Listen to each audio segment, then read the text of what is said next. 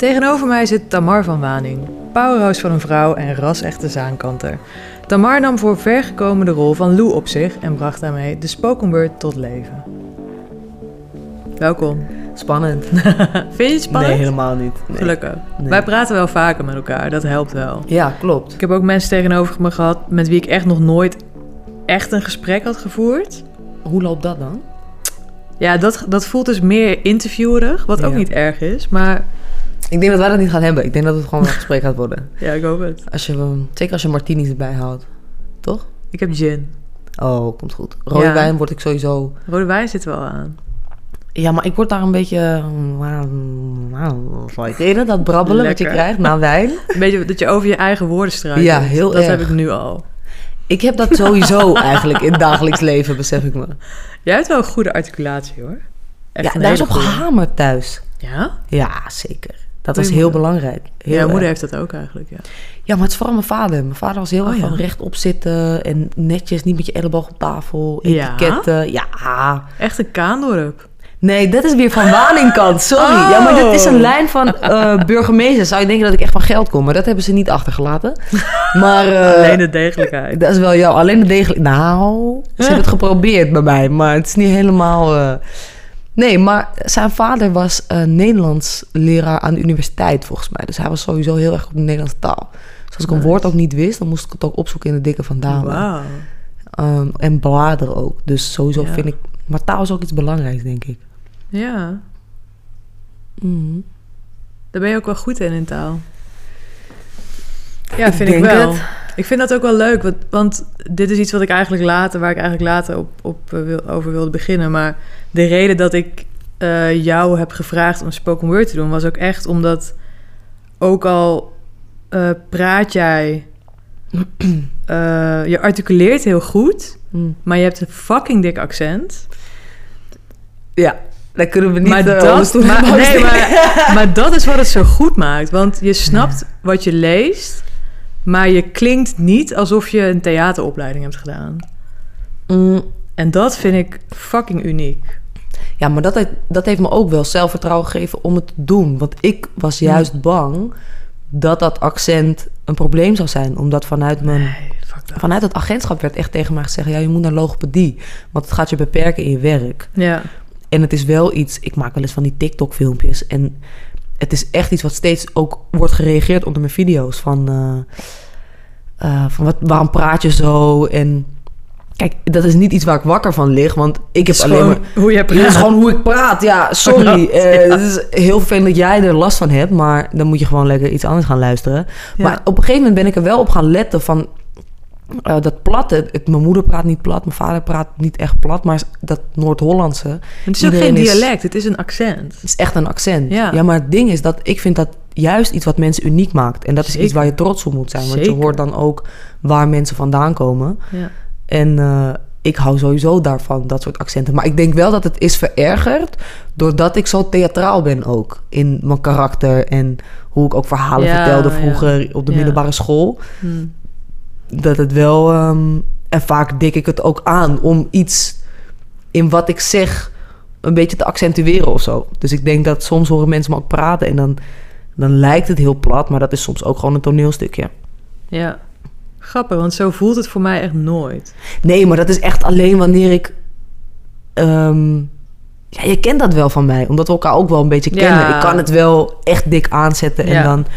Ehm, Ja, maar het zit er wel altijd in. Ja, ik heb bijvoorbeeld, wel, ik kan dat mijn wel. Brabants echt aan en uitzetten. ja.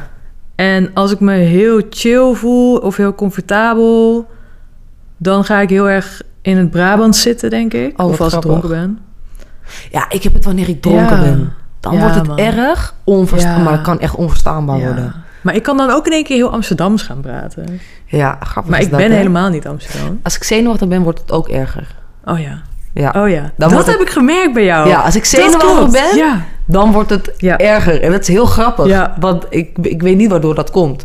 Ik denk dat het dan misschien toch ook... Ja, het is een soort zelfvertrouwen boost, toch? Want ja. Weet ik niet of dat het is. Ik denk Nee? ook dat het een beetje niet per se zelfvertrouwen is, maar ook een soort van. eh, vaak ga ik dan zoveel praten dat ik niet meer nadenk over hoe ik praat. Oh ja. En dan ehm, ben, ik, ben ik misschien meer bezig met wat ik aan het zeggen ben... dan echt daadwerkelijk met het accent. Want ik, ik heb wel gemerkt dat... er zijn momenten dat ik het druk. Ja, Toen ik dat bedrijf wilde opzetten... en als ik voor de klas stond, dan merkte ik... oh, dit helpt. Maar zodra ik een zakelijk gesprek aan het voeren ben... of vooral bij mensen kom die mij helemaal niet kennen... of die me misschien alleen kennen van Dream School... ja, merk ik dat ik het demp. ja. Want je wordt toch. ehm, het is dat ik een grote woordenschat heb en mezelf goed weet te verwoorden, maar anders word je Ja. echt wel onderschat hoor. Er zijn echt wel een paar bouwvakkers waarvan Ja. ik weet dat ze hartstikke intelligent zijn, ja. maar misschien omdat ze Dat zich niet absoluut waar. Ik goed merk het weten uit zelfs te drukken. als ik in Brabant ben, verwacht ik een bepaald, eh, bepaalde zachtheid van de mensen in Brabant. Toch? En als ik dan iemand krijg die de arrogantie heeft, die ook iemand bijvoorbeeld in Amsterdam heeft, ja. dan denk ik echt, huh? Huh? Ja. Jij bent toch lief? Je bent toch Mm. Brabant? Mhm. Waarom, doe je zo gemeen? Ja, maar dat Doe is ook. chill. Mensen verwachten dat soms ook van mij. Dat Ja. ik zo ben door dat accent, denk Ja. ik. Dat harde. Terwijl ik ben echt een. Ik kan wel hard overkomen. Maar Ja. ik ben echt een zacht gekookt ei. Je moet Ja, je mij bent geen hondenfilmpjes laten zien. Dus direct janken. ja, sowieso. Oh, wauw.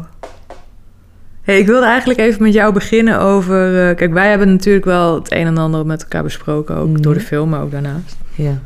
En ehm, wat ik van jou weet is dat jij eigenlijk al je hele leven een beetje op zoek bent naar wat je wil Ja. en wie je bent. Mhm. En voordat we nou een hele psychologische sessie gaan houden, want dat wordt dit niet. ja. Mag? Ga je Maar- factureren dan? Ja, ja, ja, ja, kan ik doen. Toch? Ik ga Hoeveel even mag ik dan factureren? comfortabel zitten. Ik ga even jouw voet weg. Ja, doen, lekker, gewoon. Sorry. goed. ik heb gewoon hele... Wij delen een voetkrukje nu. We delen een stoel. Een stoel. Nee, ik ben gewoon even benieuwd. Ik, eh, ik, ken namelijk, ik ken jou aan de ene kant heel goed, maar aan de andere kant ken ik ook eh, het, het eh, aanloopstukje niet zo goed. Mhm. En daar ben ik gewoon even benieuwd naar. Kan jij eens in een paar zinnen omschrijven ehm, hoe jij hier bent beland? Dus Maar welke opleidingen heb je gedaan? Waar kom je verhaal. vandaan?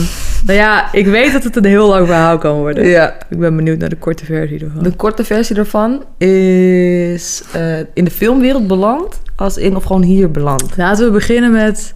Je komt uit Zaandam. Ja. Toch? Je bent Ja. hier geboren. Nee, nee, Niet? nee. Kijk, Mijn ouders hadden een woonboot in Amsterdam op het Waterloopplein. vandaar het accent. Nee. eh, in de baarmoeder begon het. Klank van Amsterdam weer. Nee, lang verhaal kort is echt. eh, mijn ouders, ouders die woonden daar. Die hadden hem gekocht van een vriend van hun. Voor echt, een, nou ja, nog niet eens een ton. Ik denk misschien Wauw. 50.000 euro of zo. En ehm, zij wilden hem heel graag houden. Of mijn moeder wilde hem graag houden. Want die had al het gevoel van, nou ja. Maar ja, je wilt een korte versie. Dus lang verhaal kort. Mijn moeder die was in verwachting van mij. En ze zijn verhuisd naar... Hier komt het. Het kutste... eh, ja, toen was het niet eens een stad. Het was gewoon opgespoten stuk grond. Almere, dat staat er dus op mijn paspoort. Maar ik voel me echt in hart en nieren gewoon een Amsterdammer en een Zaankanter. Want ik wil gewoon niet geassocieerd worden met... eh, nee, nee, nee. nou ja, ik heb daar een jaar gewoond en toen zijn we naar Zaandam verhuisd. En toen heb ik hier op twee basisscholen gezeten. En het was vanaf jongs af aan al wel duidelijk van dit is wel een pittig kind. Ehm, en toen eh, ben ik van die basisschool, vrije school, ben ik afgegaan. En toen ben ik naar regulier onderwijs gegaan. En toen heb ik een grote achterstand opgebouwd.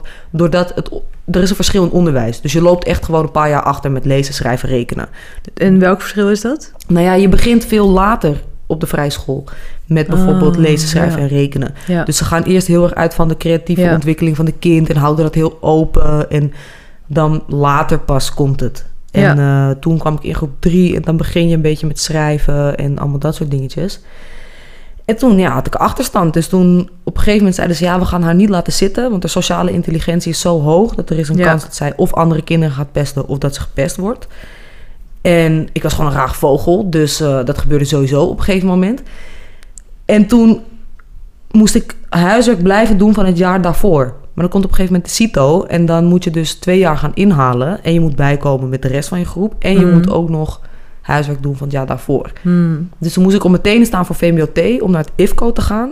Want dat was een creatieve school. En ik was altijd aan het tekenen en uit mijn neus aan het vreten. Wat is het IFCO? Individueel voortgezet kunstzinnig onderwijs. Hoppa. En daar heb je dus ook eh, drama. En toen kwam ik voor het eerst in aanraking met echt toneelspelen. En toen was je dus... Nou ja, elf, denk Ja. ik. Ja. Ik was een best wel vroege leerling. Ja, elf. En dat was wel een bewuste keuze. Dat was een hele heb je met bewuste je ouders keuze. besloten. Ja, Dit ja. is beter voor Zij mij. vonden het een slecht idee. Dat wel. Mijn je vader, ouders vonden... vond het een slecht idee. Oh, ja. Er was geen structuur op die school. Het was Montessori-onderwijs. En ik had al moeite met leren. Ik was al moeilijk te prikkelen om naar school te gaan. Dat was gewoon niet mijn ding. Maar wat mij toen heel erg prikkelde... was de koffieshop om de hoek. En een beetje ehm, het wilde leven van niet naar school gaan... en eh, dingen eh, uitvreten waar je eigenlijk niks te zoeken hebt. Dus toen vond ik En was dat dan omdat je eigenlijk gewoon te slim was voor de lessen die je kreeg?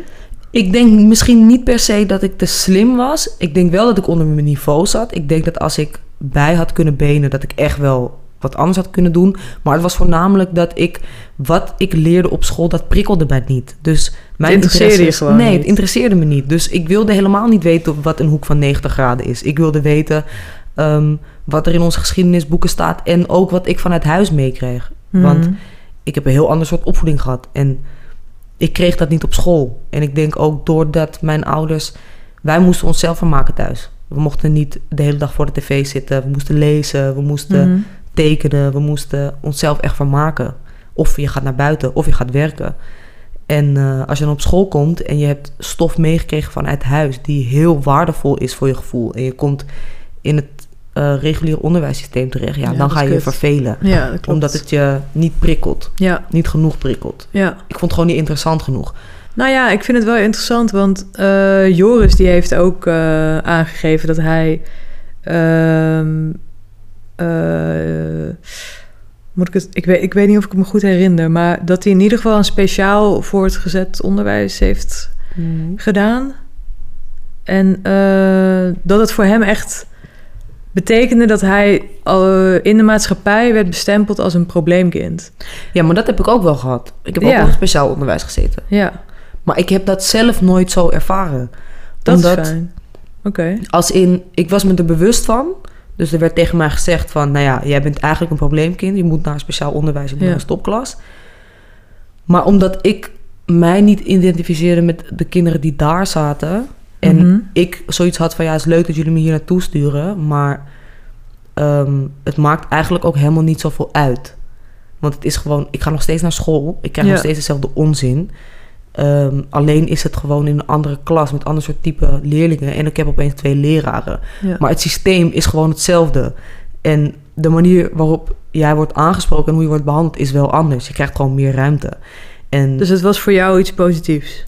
nou, dat niet per se, maar ik denk wel, ik denk wel dat het juist bij mij een bepaald soort bewustzijn heeft gecreëerd van ik ben niet zo. En het is niet zo dat ik anders ben, Mhm. omdat ik gewoon moeilijker leer of eh, misschien wat drukker of aanweziger ben. Want ik kan, dat is wel leuk om te zien. Je kan van het speciaal onderwijs, dan kan ik per dag zien hoe ik me heb gedragen in de klas. Hm. Ja, je ziet gewoon terug, ik lig onder tafel, eh, ik ben aan het kloten, eh, weet je. En dan zie je dat ik een of ander gesprek met een psycholoog moest voeren. En dan zie je dat ik chagrijnig terugkom. Ik denk alleen maar... Ja, het is misschien... Het enige wat ik zie is een kind wat zich wel echt verveelt op school. Ja. Ik wilde gewoon dingen maken, dingen doen. En Ja. daarom ben ik blij dat ik wel enigszins terecht ben gekomen waar ik terecht ben gekomen. Maar ik ben niet fulltime aan de slag in de filmwereld. Dus Nee. dat is eh, dubbel.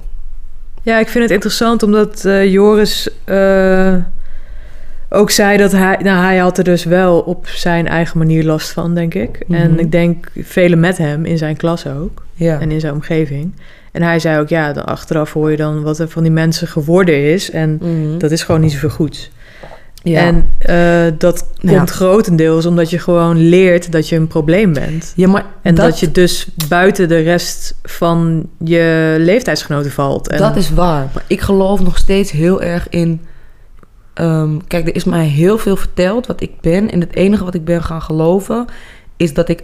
Of wat ik, waar ik naartoe ben gaan leven, is dat ik uiteindelijk me wel problematisch ben gaan gedragen. Hm. Dus voor mij was het wel, en dat vind ik wel echt iets negatiefs. En dat heeft me wel een tijd tegengehouden. Dat ik op een gegeven moment ben gaan geloven. Van weet je, jullie vinden mij een kutkind, dan ga ik me dus ook kut gedragen. Precies. En dat heeft me een tijd tegengehouden. Maar op een gegeven moment ehm, moet je echt gaan kiezen voor de keuzes die je maakt en wat daar de uitkomst van is. Want alles heeft consequenties. Tuurlijk. Dus op een gegeven moment ben ik me wel gaan inzien van zo word ik bekeken. Maar vooral na Dream School ehm, wordt het wel tijd om dat te gaan keren. Want je kan je kut blijven gedragen. En je kan ook naar jezelf blijven kijken van ja, maar ik leer moeilijk en dit en ik weet het niet. En ja, op een gegeven moment heeft iedereen een keuze. Als je niet echt zwaar autistisch bent of eh, eh, verder andere psychische problemen hebt of een, een handicap, Ja. ehm, beperk je alleen jezelf. En heb jij, om even op in te haken, Dream School, dat heb jij zelf, daar heb je zelf voor gekozen, toch? Mhm, ja, Je hebt jezelf aangemeld. klopt. Maar ik denk dat het op een gegeven moment ook zo was. Mijn moeder wilde echt niet dat ik mee zou doen. Dus op een gegeven moment was Hoe kwam je hiermee in aanraking überhaupt? Ja, ik werkte in een koffieshop en ik, iedereen, iedereen... Hoe oud was je? 18. Oh ja. Toen ik me, nee, 19 toen ik me aanmeldde. En toen ik 21 was, deed ik echt mee. Maar daar ging best wel nog tijd overheen. Dus, Ja, oké. Dus eh, het duurde drie kwart jaar voordat ik een mail van ze terugkreeg. ja, was top. Was een heel seizoen moest er nog overheen gaan en zo. Ja. Dus eh, ja, je kent het. Hoe lang het kan duren. Maar je moeder stond er niet achter? Nee, Want? nee. Ze was bang dat ik vuile was zou gaan buiten hangen. Oh. Over familie en Ja. over de thuissituatie. En eh, Ja. daar heb ik gewoon harde afspraken over gemaakt. Met haar. Ja, Maar ook met ehm, de producent. Van dit mogen jullie wel vragen, dat niet. Ja, Want ik wilde het heel gewoon... goed als je dat zwart op wit hebt. Ja. Ja, niet hebben eens. ze, hebben ze zich ook aan eigenlijk, eh, ja, ze hebben het wel... Op een gegeven moment hebben ze het wel geprobeerd. Maar ehm, dat vond ik ook oneerlijk. Er is echt Ja. wel beeldmateriaal van mij... dat ik gewoon een kutpuber ben... en een stoel wegtrap en zeg... hier wil ik het niet over hebben... en fuck jullie en Mhm. dit hebben we afgesproken... Ja, is tv, hè? Maar het is tv, dat wordt niet uitgezonden. Dus ergens denk ik ook dat ik zo'n sterk karakter heb en je mij niet. ehm, als ik iets niet wil, dan gebeurt het niet. Nee. Eh, niet in elke situatie natuurlijk, maar wel in zo'n situatie. Mhm. Dus dat heeft mij denk ik echt gered. Want anders dan was het misschien ook wel, wel uitgezonden. Of ik wist gewoon waar ik het wel en niet over wilde hebben. Dat is het vooral. Ja, dus ik heb zelf duidelijk. ook al wel een imago gecreëerd daar. Ja. Eh, wat misschien ook niet altijd klopt. Nee, maar het is ook voor de kijker, toch? Toch? Ja. Ja. En ik ben ook niet iemand, ik zal mezelf niet zo snel echt blootgeven. Ik denk dat heel veel mensen die Nee. kennen me, maar er zijn heel weinig mensen die, die me echt goed kennen. Ik denk eigenlijk. Ja, maar- ook heel weinig die er komen. Ja, sowieso. Ja, Maar dat is ook wel bewust. tuurlijk. Ik denk dat, dat heb jij denk ik ook. Ja, klopt. Ja. Grappig. Ja, zeker. Hilarisch. Hilarisch. ja, maar je weet ook waarom, toch? Absoluut. Hey, en eh, media of eh, Dream School. Mhm. Wat was Dream School precies? Voor de, want het bestaat niet meer nu, toch? Volgens mij wel. Volgens mij doen ze nog steeds. Oh, gaan we dit delen? Nee, pak maar schat. Oh. ik dacht dat die bodemloos was, die fles, maar... Ja, nog niet. Nee, hè? Is nog niet uitgevonden. Nee, helaas. Ja. Nee, is alleen maar goed voor mij. Cheers. Ik ben helemaal geen drinker. Maar ja, Dream School, wat het was voor mij, was eigenlijk was het iets impulsiefs. En ook wat ik dacht van, fuck it, nu ga ik gewoon lekker doen wat ik zelf wil. Ehm, wat ik eigenlijk al mijn hele leven deed hoor, daar niet van. Maar dat, ik had, dat heb ik de hele tijd zo'n gevoel van, nu ga ik Mhm. doen wat ik zelf wil. Mhm. En ehm, ik dacht ook bij mezelf, ja, ik werk in een of andere shop in Zaandam. In een stad waar je niet doodgevonden wil worden. Ik woon in huis bij iemand die niet vies is van af en toe een ecstasy-pilletje. En ehm, ja, wat ben ik eigenlijk aan het doen, weet je? Ik Waar gaat een het kamer heen? onder en waar gaat dit naartoe? Ja. Dus wat heb ik eigenlijk te verliezen? Terwijl ik echt uit een gezin kom van, ja, reality tv, eh, je bent geen wappie. eh, je gaat toch niet Ja. meedoen aan zoiets? Dat is toch belachelijk, aandachtstrekkerij? Dus dat was heel dubbel voor mij. Ik denk dat het ook gewoon een beetje loskomen was uit dingen die ik van huis uit had meegekregen. ook goed. Gezond. Ja. Maar dat was ik vergeten. Maar volgens mijn moeder en Ja. mijn broer riep ik op 16-jarige leeftijd altijd... ik word beroemd. Echt waar? Ja. Terwijl nu denk ik daaraan en denk ik... ja, dat vind ik... Dat, ik sta daar niet zo in. En ik heb Nee, nooit niet aan meegedaan... eh, Wow.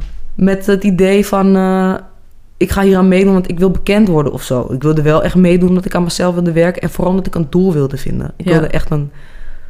Ik was op zoek naar mijn purpose. Nee, dat niet. Nou ja, maar ik wilde gewoon het vet doel shit van, doen. van Dream School is toch dat als je een soort drop-out bent... Ja, Dat is een soort voorwaarde. ja, Dat je dan dus Mhm. gecoacht wordt Ja. in een bepaalde richting... zodat Klopt. je nieuwe stappen kan ondernemen. Ja. Wat eigenlijk een heel nobel iets Klopt. is.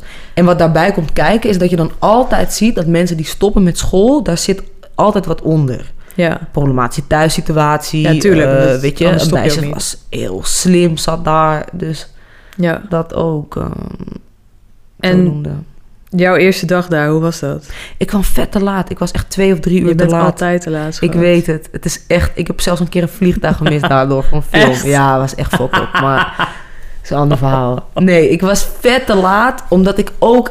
Ik was wel iets wat belangrijk was, maar ik had mijn wekker gezet... en toen was ik vet dronken geworden. En toen schrok ik wakker en toen dacht ik... ja, ik ben nu toch al te laat, weet je. Fuck jullie, Eh, jullie willen me daar hebben. Kom me maar halen met een taxi ergens. Dus eh, ik was in Lelystad en toen moest ik naar het station... en toen ehm, ben ik wel opgehaald ergens... want ze gingen me echt bellen van, kom je nog? En toen heb ik zelfs nog getwijfeld van, ga ik dit wel echt doen? Ja, Maar toen dacht ik bij mezelf, ja, ga nu maar, weet je. ja, En eh, ik weet nog dat ik aankwam lopen. En toen had ik wel een beetje het gevoel van... Ik moet een beetje doen alsof het me niks interesseert. Want ehm, ik wilde wel... ja, snap ik wel. Het was ook denk ik een soort bescherming. Want Tuurlijk, dan ja. wat ze ook tegen me zouden zeggen... Ik wist namelijk al wat er ging komen. Van ja, waarom ben je te laat? En, dus ik, ik kwam daar heel nonchalant. Maar als je een beetje snugger bent... Ik ben elke dag daarna op tijd gekomen. Omdat ik me toen Ja. ook heel erg realiseerde van... Je kan of overkomen als een nonchalant kutkind... Of je kan gewoon even gas bijgeven. En dit ook echt zien als een kans. Ja, Dus ja, dat, en dat is uiteindelijk wel gelukt, toch? dat is wel gelukt. Ja, Goed zo. dat is wel gelukt, zeker. En uit Dream School heb je ook je eerste klus gekregen, toch? Klopt, ja. Dat was En Paradise wat was jouw doel daar in, tijdens Dream School? Wat, wat was jouw purpose? Ik had geen doel. Ik wilde. Ik denk dat ik gaandeweg dat ik erachter kwam dat ik best wel wat eh, competenties eh, heb.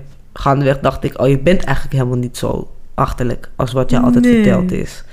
En vooral toen ik het terug ging zien, ik zag mezelf en ik dacht, ehm, ik heb altijd gehoord, je bent druk, je bent aanwezig, je bent. En ik keek toen naar mezelf en ik dacht, ja, jullie kunnen het allemaal vinden, maar ik vind dat gewoon niet. Nee. Dus ehm, je kan mij Nice. wijsmaken wat je wil. Maar ja, als je dat vindt, zoek het lekker uit. En ik had wel die instelling dat ik... Ik kwam wel zo over en ik... Maar ik geloofde het niet heel erg. Dus het Nee. was altijd een façade tot ik echt naar mezelf keek en dacht van... Ja, maar ik vind mezelf ook gewoon de shit. Vet. Ja, Dus je kreeg gewoon heel veel zelfvertrouwen. van eigenlijk wel, Door ja. jezelf te zien. ja zeker. Maar niet programma. alleen dat. Ik denk dat het meer was de feedback die ik terugkreeg van vreemden. Ik kreeg opeens berichten van jongeren van... Ik vind je zo sterk overkomen en... Je bent een rolmodel en door jou wil ik stoppen met dit en dit en wil ik voor mijn shit gaan.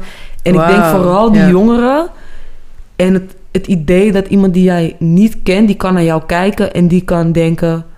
Ik weet niet eens wat ik aan het doen was daar, weet je? En meer dat ik dacht van... Het enige wat ik daar heb gedaan is dat ik mezelf ben geweest, maar ik heb me wel ook groot gehouden. Hm. Dus ik ga wel ook altijd mee aan die jongeren van ja, is allemaal leuk, maar ik lig soms ook gewoon mezelf in slaap te janken. En daar moet je ook gewoon eerlijk over zijn. Ja. Want ik ga zo slecht op die jongere generatie die maar doet alsof ze allemaal zo koud en harteloos zijn. Je moet gewoon je bek houden, want je bent geen psychopaat. En als het wel zo is, dan heb je echt hulp nodig. Ja. Dus het is helemaal niet stoer, weet je, om te doen alsof het je niks interesseert. Dat is gewoon bullshit. Nee. Ja, Dus, je hebt eh, altijd uiterste natuurlijk. Ja, maar Ja. ja. Het is een probleem. Ik merk het ook hier eh, in de wijk. Het is echt lijp. Gewoon Ja. sinds een half jaar. Het Mensen is echt, aan eh, ze hebben er zoveel scheid aan. Gewoon, Maar wat we hebben hier voor ons huis een bankje staan. Mhm. En dat hebben we daar zelf neergezet. Mm. Eh, maar het is ook een beetje onze eigen schuld. Het is vraag om hangjeugd. Mhm. Nee, en we hebben hierboven een eh, hele lieve buurvrouw. En die heeft twee kindjes. En die eh, slapen gewoon om half acht. Ja, Nou, in de zomer dan zitten wij hier wel eens buiten te eten. En dan ga je gewoon om half tien lekker naar binnen. ja. Maar eh, dan komen daarna komen gewoon gasten hier. Mhm. En eh, nou, die maken gewoon te veel herrie. Die Ja. kids worden daar gewoon wakker van. Ja. Dus Rijn die gaat hier dan eh, naar buiten. En die vraagt gewoon... Kunnen jullie weggaan? Ja. Want of je mond houden. Want Ja, er slapen gewoon kinderen hier, weet je wel. Dit is mijn bank. Mhm. ik heb liever dat je naar me luistert. Ja, simpel. Ja. En gewoon fucking dikke grote bek. Het is echt, ja, maar echt lijp. het is echt lijp. Het is helemaal ik niet zo ze ook, ingewikkeld. eh, het is ik echt wil echt anders niet doen geworden. van ah, de jeugd van tegenwoordig. Want ik ben zelf ook nog een van het gespuis. Niet heel lang terug zelfs. En misschien nog steeds wel een beetje. Alleen, ehm, ze lopen gewoon met eh, wapens rond waar ze... Ja, Ik heb geleerd van het huis. Als je wat op zak hebt, is de kans dat je het gaat gebruiken is veel groter. ja, tuurlijk. Want je hebt het. Ja, En ehm, het feit ook, kijk, voor een vrouw zijn is het zelfs nog dat het dan tegen jou wordt gebruikt, is ook nog eens groter. Dat iemand, Mhm. Maar dat kan ook, weet je, dat je een of andere Ja. tegenkomt die het van je afpakt en dan heb jij hem straks in je nek zitten. Ja. En die gasten denken daar gewoon niet over na. En ik merk dat toen ik bij de coffeeshop werkte, Mm. sprak ik nog wel eens jonge gasten aan van... hé jongens, niet bij die coffeeshop hangen. En, Ja. maar nu ga ik dat gewoon niet meer doen. Of doe ik dat niet meer. Nee. Omdat ik één denk, wie de fuck ben ik om jou te vertellen wat je moet doen? Want het is gewoon eh, vrij land hier. Maar aan de andere kant heb ik ook geen zin in het gezeik en het gehaal en getrek. Maar ik vind wel oprecht, als je ergens woont of werkt... Sowieso. dan heb je gewoon eh, een bepaald gezag... Ja, wat je mag uitstralen. Als je dat met respect en, en gewoon eh, compassie voor de medemens doet. Maar als je dan meteen iets terugkrijgt... wat gewoon bijna een onmenselijke reactie is... ja maar dan is er gewoon iets fundamenteel mis in die situatie. En met- sowieso. Maar de jeugd is boos, man. En dat snap ik ja, wel. en ik snap dat ook heel goed. Ik snap het echt, want ik ben ook echt- boos. Ja, ik ook. Ja, maar ja. Je Ik moet, ook, maar ik heb eh, al die keuzes, die moeilijke keuzes al gelukkig al kunnen maken. Ja, Zij zitten daar nu in. Dat scheelt inderdaad. Ja, het is echt heftig. Ja, absoluut. Er zijn zoveel kinderen die ook zeggen: Ik wil gewoon rijk worden. Omdat ze gewoon weten dat geld het allerbelangrijkste Ja. gaat worden. Maar dat is ook, Geld is macht, geld is vrijheid. Ja, Ja. het is echt gestoord. dat is waar. Maar ja, Ja, het is heel naar. aan de andere kant moet ik wel zeggen... ehm, mijn gelukkigste dagen was ik toch echt helemaal skeer. Ja, Sowieso. ik ook wel En eigenlijk. dat klinkt gek, maar gewoon... Ik snap dat wel, ja. Ja, bij ons thuis was helemaal niks. Geen ene malle moer. Als er wat stuk was in huis, dan werd het ook echt gerepareerd met houtje, touwtje, duct tape. Ja. Maar mijn moeder kon echt met zoveel liefde en compassie... ehm, ja, zorgen dat er sfeer in huis was. Ja, En tof. ehm, ik heb ook tijden gekend met echt geld. Ook op een leeftijd dat het gewoon ook belachelijk is om zoveel geld te verdienen. En daar komt ander soort gezeik bij kijken. Ja, Want je geeft het toch alleen maar uit. ja. Dus ik wel. ja precies. Ja. Dus eh, ik Heb denk je ook... rijbewijs al, Tamar? Nee. Ah, oké. nee. Heb je nog een vraag? Nee, ik hoor wat je zegt. ja. Je wordt ook creatief en, en eh, ja, het zal je moeder ook wel stress heeft, hebben gegeven natuurlijk. ja, maar dat merk je hebben, niet maar als snel, kind hoor, heb je dat haar. niet, eh, niet zo snel door, hè? Nee, minder, minder. En ik denk ook doordat... eh, ja, ik heb nooit het echt gehad met, met merken. En op een gegeven moment wilde ik wel Nike's en dat soort dingen. Ja, En toen ik ouder werd, begon ik heel het wel mee. te waarderen. Wat zeg je? Dat valt heel erg mee. Toch? Ja, Ja, maar ik, weet je, dat boeit me niet. nee. Nee. Maar ik heb nu wel een vintage eh, couture pakje van de walk, of runway walk, bla bla. Oh, Dat is wel vet hoor. ja. Van Dolce Gabbana. Oh. Ja, gruwelijk. Met oranje, wit en spijkerstof. Oh. Hij is fucking vet. En een soort splits bij beide benen. Oh, Ja, ga hij is vet, hoor. sturen? Ja, sowieso. Hij is echt vet. Oh. Met een jasje en een rok. Ja, Doe je die aan top. op de, op de podcast première? Ja, gaan we doen. Ja? Ja, Ja? ja, ja, ja, sowieso. Hard. Sowieso. Oh, fuck. Ja. I better get dressed. Nice. hey, en ik zat eh, een TED-talk voor jou te kijken. Had je, daar, daar, had je toch niet zo'n mooi eh couturepakje aan? Nee, een heel mooi. Heel Bruin leuk. jasje. In Uden, Ja, waar man. ik praktisch vandaan kom. Super Echt grappig. Ja. Vette stad vond ik dat. Ja? Ja, ik heb echt twee straten gezien, maar wel vet. Valt, valt mee hoor. Leuke eh, mensen. Het gezellig. Nee. Wat is dat voor gorddroge... ja, sorry. Ja, het is heftig. Het is echt heftig. Ja, man. Ja. Ik kan beter naar Veghel. Veghel is beter. Veghel is beter? Ja, Ude, ik weet niet wat het was. het lijkt alsof er continu iemand begraven wordt daar. Oh my god. Toch? Oh, Of ik zal het doorgeven. Oké. Hey, en jij zegt in, eh, in je TED-talk... Mhm. Ik ben het vertrouwen kwijtgeraakt in instanties die mij pretenderen verder te helpen. Ja. Dat hoor ik nu ook wel in wat je nu zegt. Ja, sowieso. En ik ben dan heel benieuwd, heb je het dan alleen over de opleidingen? Of heb je dat ook over het werkveld? Want Ik jij heb, hebt ook al het, ehm, enigszins wat baantjes achter de rug inmiddels. Ja, alleen dat vind ik wel dubbel. Kijk, het, is, het Ja. heeft sowieso heel erg twee kanten. Het heeft en te maken met dat ik... ehm, ik zeg altijd, ik ben makkelijk om mee te zijn, maar ik ben moeilijk om mee te leven. Mhm. Dus zodra je vijf dagen in de week met mij te maken hebt... dan kom je erachter dat ik gewoon echt een gebruiksaanwijzing heb. Ja, Ehm, het ding alleen is dat... eh, ik heb me heel erg geleerd aan te passen. Alleen ben ik niet iemand en ik zal nooit ook iemand worden die mij volledig zal kunnen aanpassen aan andere mensen.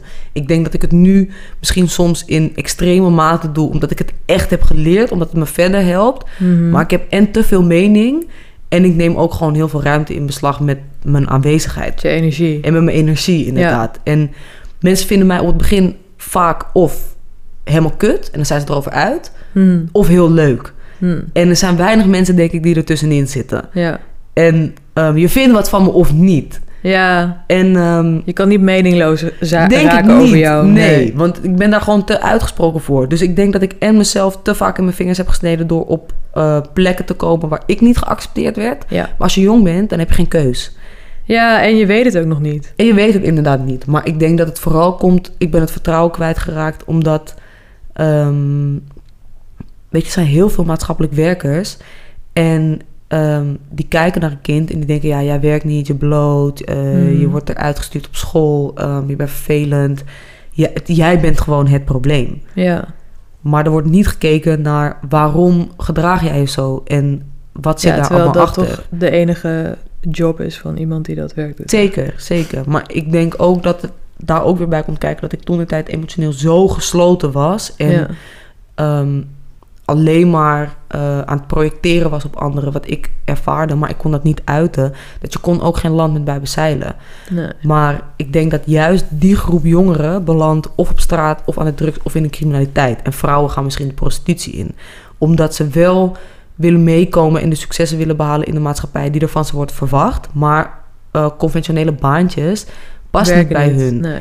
Dus hoe ga je dan ehm, meekomen? Ja, dan moet je je toch gaan aanpassen. Mhm. En eh, dat is ook helemaal niet erg. Dat moet je ook gewoon leren. Ik denk dat dat ook iets is. eh, het is een kunst om met veel verschillende mensen te kunnen omgaan. Nou ja, is, dat, dat is echt zo. En ik denk dat jij dat heel goed kan. Maar is het niet ook een gebrek aan opleiding en ehm, weten wat voor kansen er zijn die wel bij je passen? Want als jij wordt opgegroeid met het idee, als jij opgroeit met het idee dat je een dokter of een advocaat of een eh, bouwvakker of een eh, dieren. Hoe heet dat? Een dierenmens. Dierenarts? Een dierenarts. My god. Lekker gaan. Lekker. Dat je alleen dat als optie hebt Ja. eh, en nooit hoort over freelancerschap of Ja. ZZP'en of je eigen bedrijf. Of... Nou ja, het ding is, ik denk dat ik sowieso kijk. Mijn Want dan moeder- zijn deze, als je, als je een freelancer bent, zijn al Mhm. deze eh, gedragseigenschappen eigenlijk heel positief. Ja, klopt, dat wel. Ja. En anders dan red je het niet eens als freelancer als je niet zo in elkaar Nee, dat is ook wel zo. Dat is waar. Nee, maar ik heb ook wel geleerd dat ik echt niet voor een baas kan werken. Ja, En eh, dat wil ik ook eigenlijk helemaal niet. Nee. Dat vind ik gewoon kut. ja. Maar ja, het is ook gewoon lekker om aan het einde van de maand te kijken. Dat komt er binnen En het komt goed, eh, ja. het komt goed. Maar aan de andere kant, op een gegeven moment heb je zoveel mensen. Dan maakt het allemaal geen reet meer uit, weet je. Dan Nee. komt er gewoon toch wel een oproep. En dan moet je op een gegeven moment ook gewoon gaan zeggen... ja, dit ga ik niet doen. Nee. Ehm, maar ik heb wel van het huis uit... Ik heb sowieso een moeder... Het enige wat tegen- zij tegen mij heeft gezegd is... als je een secte ingaat en de drugs gaat of je kut gaat verkopen... breek alle twee je poten en dan kom ik je naar huis trekken. Maar mijn vader... Ja, ik stopte met school. Ik vertelde het hem en hij zei... ja, dat dacht ik al. Ja. En zei daarna van... ja, eh, kijk maar wat je doet... zolang je maar geld gaat verdienen... of iets gaat doen met je leven. Dus Ja. ik heb altijd ouders gehad die zoiets hadden... je hebt zo'n grote bek, dat komt wel goed. Ehm, en ik denk dat dat vertrouwen heeft ook wel geholpen. Dus eh, ik denk dat ik daarin gewoon in mijn handjes mag knijpen. Ja. ja, dat absoluut. Ik denk ook, ik heb je moeder ontmoet. Dus, eh, ik bedoel, denk dat je heel veel moois van je moeder hebt meegekregen. Zeker, zeker. Ik heb je vader niet ontmoet, maar daar vast ook van. Ja, mijn vader is ook top, zeker. Maar ik heb dat, dat, mijn moeder is heel warm en Ja. hartelijk. Ja, En mijn vader is echt... ehm, ja, je gaat het sowieso krijgen. ja Sowieso. standvastig. Heel standvastig, Mm. ja. Nee, zeker. Die is niet krom te buigen, absoluut niet. Hey, en als je, als je hierover nadenkt... Ik bedoel, ik weet dat je met jongeren hebt gewerkt al. Mhm. Is het iets wat, wat je interessant vindt om, om eventueel je eigen kennis en je eigen wijsheid te gebruiken om weer anderen te helpen? Of heb je zoiets van, ik wil me juist weer even op mezelf focussen? Ik heb heel lang die behoefte gehad. En ik denk ook dat ik door Dream School een beetje in dat rolmodellen... Ik kreeg gewoon een kans. Ja, En tuurlijk. Je, je werd gewoon het. een rolmodel, zonder dat je er eigenlijk was dat om vroeg. ook. Ja. Maar ik denk, er is op een gegeven moment is er iets gebeurd. En mijn omgeving ehm, begon me te vertellen. Ik ben ook mensen erdoor verloren. Door eh, op een gegeven Hm. moment dat zij zoiets hadden van... ja, maar wat jij presenteert op internet... en de lessen die jij geeft en de lezingen die jij geeft... ehm, zo ben jij niet in het echt. En ik had juist het idee van, nou ja...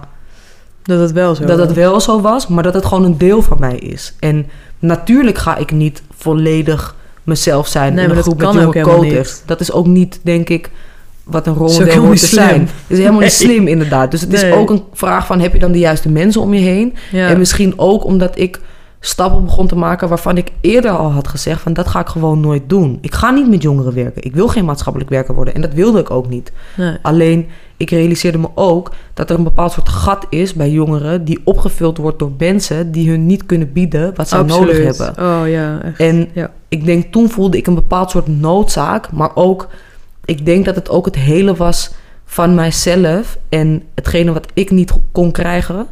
dat ik dat voor anderen wilde doen. Dus ja. ehm, ik denk dat het ook een bepaald soort egoïsme was. Namelijk, je helpt anderen, maar tegelijkertijd help je ook jezelf. ja, maar no, no good deed, toch? Het is altijd... eh, Ja, je helpt altijd jezelf met elke Ja, goede daad die je doet. En het is ook, ik denk dat mensen vergissen hoe ehm, motiverend het kan zijn om op een podium te staan, jouw verhaal te Ja, vertellen. En, te, ja. en ook dat er mensen zijn die zeggen: Wat jij zegt, vind ik inspirerend en ik wil daarnaar Dit- luisteren. ja. Dit is precies de film voor mij. Ja, maar dat, dat snap echt ik. gewoon. Ik heb dat nog nooit eerder gevoeld. Dat je echt Mhm. merkt dat als iemand het oppikt, Maar jouw verhaal dat je ook. denkt, ja, maar dat niet alleen. Het is ook een energie. Zeker, zeker. Je creëert iets en Ja. mensen zeggen: En Ik mensen, herken dat. Of, of ze herkennen het, of ze sluiten zich aan. dat. En dat Ja. is echt, Het nou is ja, machtig. Het is een gevoel van macht ook. Ik Ja. vind van wel. Ja, het geeft je een, punt, toch ja. een, een machtig gevoel dat je... Zo heb ik er nooit naar gekeken. Het is inderdaad machtig in plaats van per se macht. Want het voelt niet alsof Nee, ik het voelt niet macht alsof je macht over hebt. iemand. Nee, maar zeker niet. het voelt alsof ik iemand krachtiger kan maken. dat. En dat En dat geeft je een ik- machtig gevoel, toch? Ja, Ergens. ja, ja. Het is inderdaad machtig niet... is het. Ja, het is niet dat je macht hebt over iemand, maar het, het geeft je... Ik denk ook Het, dat het het je... het gevoel alsof je op de F-site zit en je voelt de trommels onder je voeten gaan. En Zoiets, de, de ja. testosteron in de lucht. en Zoiets, inderdaad. Zo voelt het voor mij. En ik denk dat ik het- Yes. Kan je het dan ook associëren met... ehm, het geeft je ook ehm, een bepaald gevoel van erkenning. Ja. Maar ook... ehm, Het geeft mening aan wat je hebt ervaren... en wat je misschien aan het doen bent. Ja, meaning. Ja, het Ja. geeft gewoon mening daaraan, toch? Van, absoluut. Ehm, ik nee, denk, daar heb je echt gelijk in, ja. Daarom willen kunstenaars toch ook hun dingen in een ehm, museum hebben hangen... of in een galerij, of willen ze Ja. het verkopen... of je wilt dat de wereld het ziet. Of daarom gaat een zanger ook op een podium staan. Jij ervaart iets, je wilt dat delen met de wereld. ja. Omdat je het gevoel hebt dat het voor jou zo betekenisvol is. Dus misschien kan het voor een ander ook zo zijn. En dat is misschien alleen Ja. met die lezingen die ik heb gegeven. Ja. Maar ik denk wel dat dat een bepaald soort verlangen is... die misschien veel kunstenaars of creatievelingen niet eens durven uit te spreken. Maar je bent ook op zoek naar een bepaald soort gevoel van erkenning, denk ik. ja, en bevestiging. En bevestiging wanneer je dingen creëert. Absoluut. Nou ja, ik denk dat ik dat heel lang van, los van elkaar heb gezien. Mhm. Nu je dat zo zegt, is dat eigenlijk heel duidelijk voor me. Maar je wil altijd dat iets uit zijn puurheid ontstaat... en dat het alleen maar is voor jou.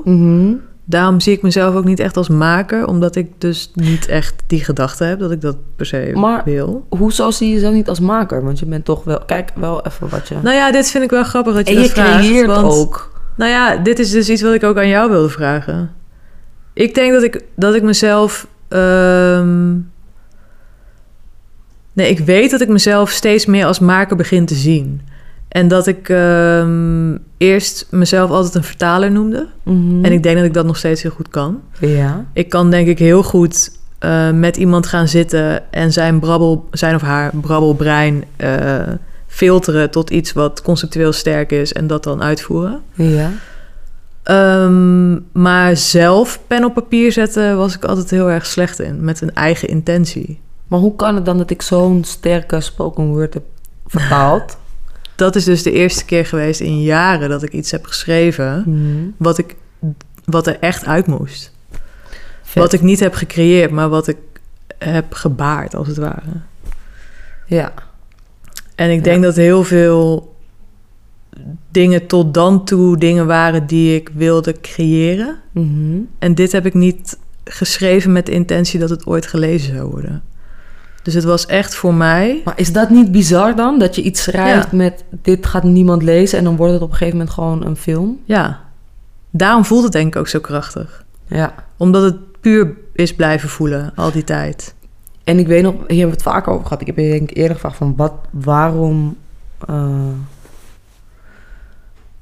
waarom dan toch die film? En waarom dan toch, want ik vroeg jou van wil je nog blijven regisseren? En zei je ja, nee. nee, ja. En ik zei ja, het duurt me gewoon veel te lang. Het proces is gewoon ja, te het lang. duurt zo lang. Dat is normaal. Eh, Wat ik waarom- me heel goed kan voorstellen. Ja, waarom die film? Ehm, waarom ik de film ben gaan maken was echt omdat ik het liet lezen op een gegeven moment aan iemand.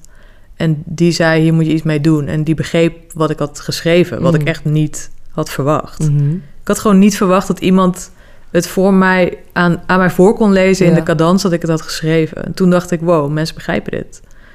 Iemand anders, die ik Mhm. niet ken, die Ja. begrijpt wat ik heb geschreven. En Maar heb dat je hem ik dan heel mij? raar. Nee, heb ik het niet over jou. Nee, toch? Nee. Nee, dat Dat was... geen hol van hem. Nee. Nee, ik ook niet. Nee. Dat is echt niet waar. Want ik had dat wel. Ik las het en ik dacht, Ja. dat Maar dat- raakt je. ja, maar dat had ik dus nooit verwacht. Want ik ben helemaal geen schrijver. Ik schrijf voor mezelf. Mhm. En het is ook iets wat ik altijd bij me zal houden. Ik zal nooit schrijver worden. Ja, maar ik vind je dan... Dat vind ik dus wel een misconceptie over dingen. Ik vind je al... Als jij schildert, ben jij een kunstenaar. Als jij schrijft, ben jij een schrijver. Als jij filmt, dan ben je een maker. Want je creëert iets. En ik denk dat je daarvoor jezelf ook wel die erkenning mag geven.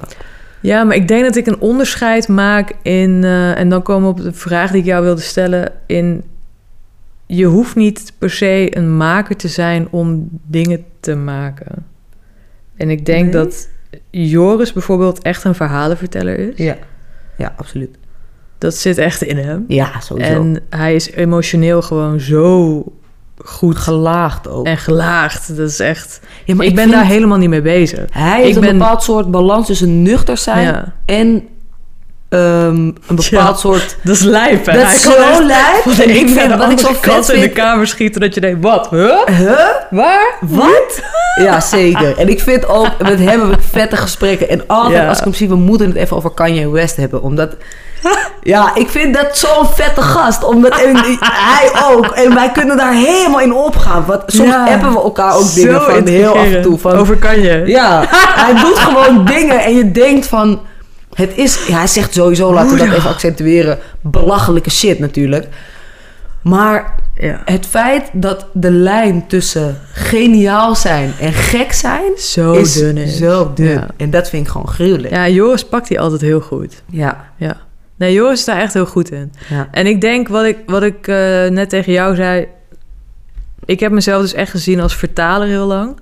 En ik zie mezelf steeds meer als maker... omdat ik Mhm. steeds vaker voel... dat er dingen zijn die ik wil vertellen.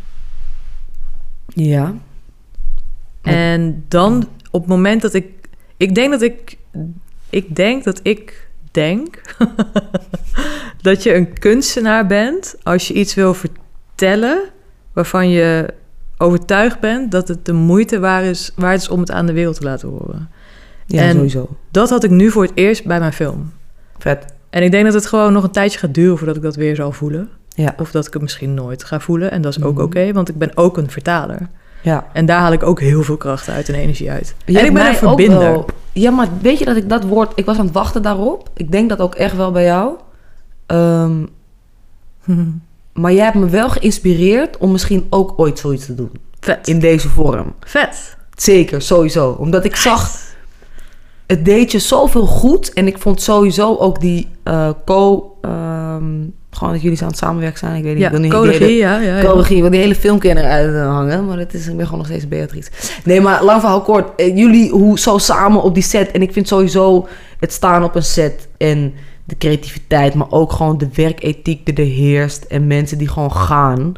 Dat Ja. vind ik vet. Het is Ja. niet voor die camera staan en een kunstje doen. Het Nee. is alles eromheen. Het is, weet je, even in die stoel zitten voor de make-up, praatje maken, iemand leren kennen die je nog nooit hebt gesproken, maar die wel heel intiem dicht op je zit. Ja. En is interessant, hè? ja, is heel interessant wat daar gebeurt. En ik Ja. denk ook dat je mensen die nog nooit op een filmset hebben gestaan uitleggen wat voor een gevoel daar heerst. Het is echt niet alsof je, voor mij niet, maar ook omdat ik het misschien te weinig heb gedaan, dat de dag begint, dat je daar staat en dat je dan de dag afrondt. Nee. Ik denk dat het Het is echt een beetje alsof je in het leger zit, toch? Zoiets. Zo voelt wel. het voor mij echt vaak. Ja, Dat ik denk, iedereen heeft een soort van commandant ja. van zijn groep. Mm, En eh, de commandanten onderling hebben communicatie met elkaar. Het moet allemaal heel strak. Iedereen Ja. moet naar elkaar luisteren. Het is een hiërarchie. Maar er is ook een broederschap. Zeker, er is En dat is ook heel vet. En er is een broederschap, maar ik denk ook als je op de juiste set bent en als je echt vette shit aan het maken bent, er heerst een bepaald soort gevoel van urgentie, Ja. continu. Ja, En ik hou daarvan en ik heb die, druk, Ja. die werkdruk ook nodig om te presteren. ja. En ik denk ook dat mensen die misschien van nature... En daarom vind ik het grappig dat ik uiteindelijk in dat eh, motivational speakers bla bla rolletje ben. ge- ik ben namelijk iemand die van nature... Ik ben een lui flikker. Sorry voor mijn taalgebruik. Eh, ja maar jouw energie is dat dus helemaal Nee, niet. maar dat is ook het ding met mij. Dat mensen zien mij en denken... Oh, jij bent de hele dag misschien Ja. dit of dat aan het doen. Maar ik kan verlamd zijn door mijn eigen hoofd en gedachten. Ja, Omdat ik ik. Ja. Zoveel denk dat ik helemaal een soort van uitgeschakeld word en niet meer kan doen wat ik echt moet doen. Dus ik denk dat mensen overschatten mij best wel snel. En ik overschat mezelf ook vaak snel, doordat ik zoveel energie heb. ja. Maar eigenlijk denk ik juist dat ik de dingen heb bereikt die ik heb bereikt. Niet alleen doordat ik zoveel energie heb, maar ook doordat ik zo goed mijn eigen valkuilen ken. Als ik bijvoorbeeld iets aan het opruimen ben of ik ben iets aan het maken en ik pak één keer mijn telefoon, dan zit ik de komende zes uur op die telefoon. Als ik even ga zitten, dan zit ik de komende tien uur gewoon daar en dan gebeurt er niks. Oh. Dus ik denk dat mensen kijken naar mij en denken, oh je bent de hele Ja. dag, eh, je staat om vijf uur 's ochtends op. Nee, helemaal niet. oh nee, dat dacht ik niet. Nee, hè? Nee. Nee. nee, dat is ook wel duidelijk. Nee, misschien kijken mensen helemaal niet op mij. Jawel, nee, maar dat Ik denk ik. Ik denk dat je echt gelijk hebt. Ik denk dat mensen echt jou zo zien. Maar het is echt bullshit. Ik ben echt Ja. een lanterfanter. En ik kan echt lak Nou, zijn. ik weet niet of je... petter, eh, ja, je bent misschien wel lak soms, maar... Echt wel. Ik denk dat je moet opletten met, met jezelf afleiden vergelijken met lanterfanten. Want Ja, jezelf afleiden doe ik ook. Ja, dat is. Maar dan helpt ook een lijstje. Dus, ben Dus. je een maker? Mager. Ben ik een mager? Ehm, Of ben je misschien iemand die inspireert? Weet ik niet. Nee. Want ik- ja, om Jij mezelf zegt inspirerend- motivational speaker, maar jij inspireert wel gewoon. Ja, maar om dat nu over mezelf te gaan zeggen van... oh, ik ben zo'n inspirerend mens. nou, dat- Mag ik dat dan over je zeggen? Want dat ben ja, je wel. ik denk dat dat dingen zijn die moet je gewoon... Je kan misschien zeggen, ja, ik kan goed praten of tekenen of... Ja, maar er zijn acties, er zijn Zijn- handelingen. Nee, Dit is wat je uitstraalt, dit is je energie. ja, ik weet niet. Ik heb het wel vaak gehoord van, oh, ik vind je inspirerend. En, Nou, maar dan het ben je toch verdomme gewoon. Ja, maar kijk, ik denk dat als je mij... Als je gewoon zeven dagen in de week met mij doorbrengt, gewoon ben een jaar lang... Dan denk ik echt dat mensen naar mij Maar dat kijken. hoef en je ook niet te zijn. Jezus, dat jij überhaupt nog de douche uitkomt en je bed uitkomt af en toe is echt... eh, ja, ik, Deprimerend. nee, niet deprimerend, maar ik denk dat ik... Ik ben gewoon een fucking slappe ouwe hoer. En ik kan gewoon echt goed gebakken lucht verkopen. Ik denk echt dat dat... Ja, maar dat zijn toch ook hele motiverende mensen? Voor Ja, andere dat is ook mensen. zo. Je moet Dat- gewoon niet met je gaan samenwonen. Dat is misschien... Dat is belangrijk. bela- ja, zeker. Kanttekening. Ja, ja, ja, absoluut. Nee, maar... Nee, dat is sowieso wel af te raden hoor, met mij samenwonen. Maar... eh, nee, ja. Ik denk... Ik weet het niet. Inspireer... Ik word helemaal zenuwachtig daarvan. Maakt niet uit. Ja, weet ik niet. Maar of ik een maker ben? Ja, denk ik wel. Vet. Kijk. Ja, denk ik wel. Dat wel. Nice. Maar dat is denk ik omdat... eh, ik tekende vroeger veel en ik kan vooral dingen natekenen. Ehm, en ik weet nog dat mijn moeder vertelde over een kunstenaar... en die voelde zich eh, leeg omdat hij niet echt kunst kon maken. Het enige wat hij kon maken was eh, antiek. Neppe antiek verkopen. Wat dus hij was eigenlijk een of andere gekke gast. En die, hij piste ook over zijn schilderijen heen om te rustieke. Dus hij kon echt maken, maar hij kon niet creëren. En, en echt zelf Mm. dingen verzinnen. En ik weet nog dat ik dacht van... ah, wat eenzaam moet die man zich voelen. Want Mm. dan heb je een bepaald soort kunst die je kan... En je kan dus dingen kopiëren, maar wat Maar je, eigenlijk niet wil, bedenken. is het niet... Dat je, ja, je kan het niet bedenken. Ja. En ik denk wel, ehm, zeker met schrijven, ik denk wel dat ik daarin echt wel kan creëren. En dat is, dat is ook echt mijn eigen gevoel en mijn eigen hand, Ja. wat je leest en ziet. En dat is niet gekopieerd. Dus ik denk dat ik daarin misschien wel een maker ben. Maar ik denk dat ik eerder, ehm, ja, ik weet het niet zo goed. Vind je jezelf een schrijver? Het is wel iets wat ik altijd heb gedaan. Ja. Dat wel. Ik heb altijd gedichtjes geschreven. En ik zat ook vroeger op de fiets. En dan ging ik rijmen. En dan zat een vriendin eh, zat Nice. op het zadel. En zat, eh, was ik aan het fietsen en dan zat zij op het zadel. En dan was ik aan het rijmen over de stad. En domme rijmpjes. En dat is wel iets...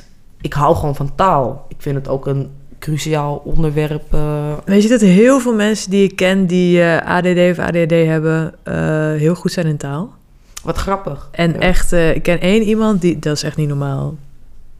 Naomi. Naomi Foods. Kijk Joe aan.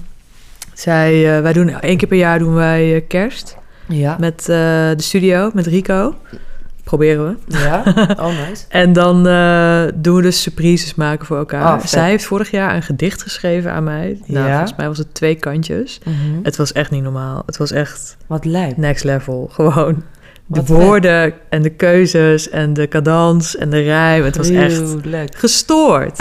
En zo ken ik er nog vijf. Ik vind het Mhm. zo vet. Ja, maar ik hou er ook wel van. Maar ik hou er Ik vooral vind, ja, maar ook jullie van- brein gaat gewoon zo snel. Het is, Ja, ik, heb daar zo, ik ben daar echt jaloers op. Ik heb daar zoveel respect voor. Maar ik heb het idee alsof jij dat ook hebt, eigenlijk. Of is dat niet zo? Nee, ik moet dat wel... Bij mij gaat dat niet non-stop. Rijn heeft het ook. Wat jij zegt, op de fiets zitten Ja. en dan woorden bedenken. Als, Ja. je, als je twee biertjes in Rijn gooit, Hoppa. dat is niet normaal. Die, Vet. die schrijft die, die- die- gewoon woordenbrei. Komt er gewoon uit.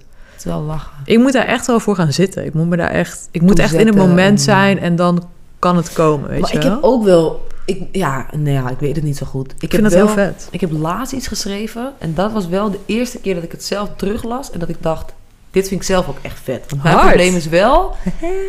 ik moet zeggen... Wat zeg je? Je bent te kritisch? Ja, sowieso. Met acteren moet ik zeggen dat het meevalt. ja, ik heb wel dingen van mezelf gezien waarvan ik denk... had sowieso beter gekund. Maar ik weet dat ik de eerste keer naar mezelf keek... en ik was echt heel bang dat ik naar mezelf zou kijken... en dat Snap ik zou ik. denken... dit is fucking GTSD. Namelijk... Kijk, ik weet van GTSD dat ze gewoon Ja. weinig tijd hebben voor een scène... en dat ze het niet kunnen perfectioneren. En dat, Dat is niet daarom de reden dat het slecht is. ja, sommige mensen kunnen ook gewoon niet acteren, daar niet van.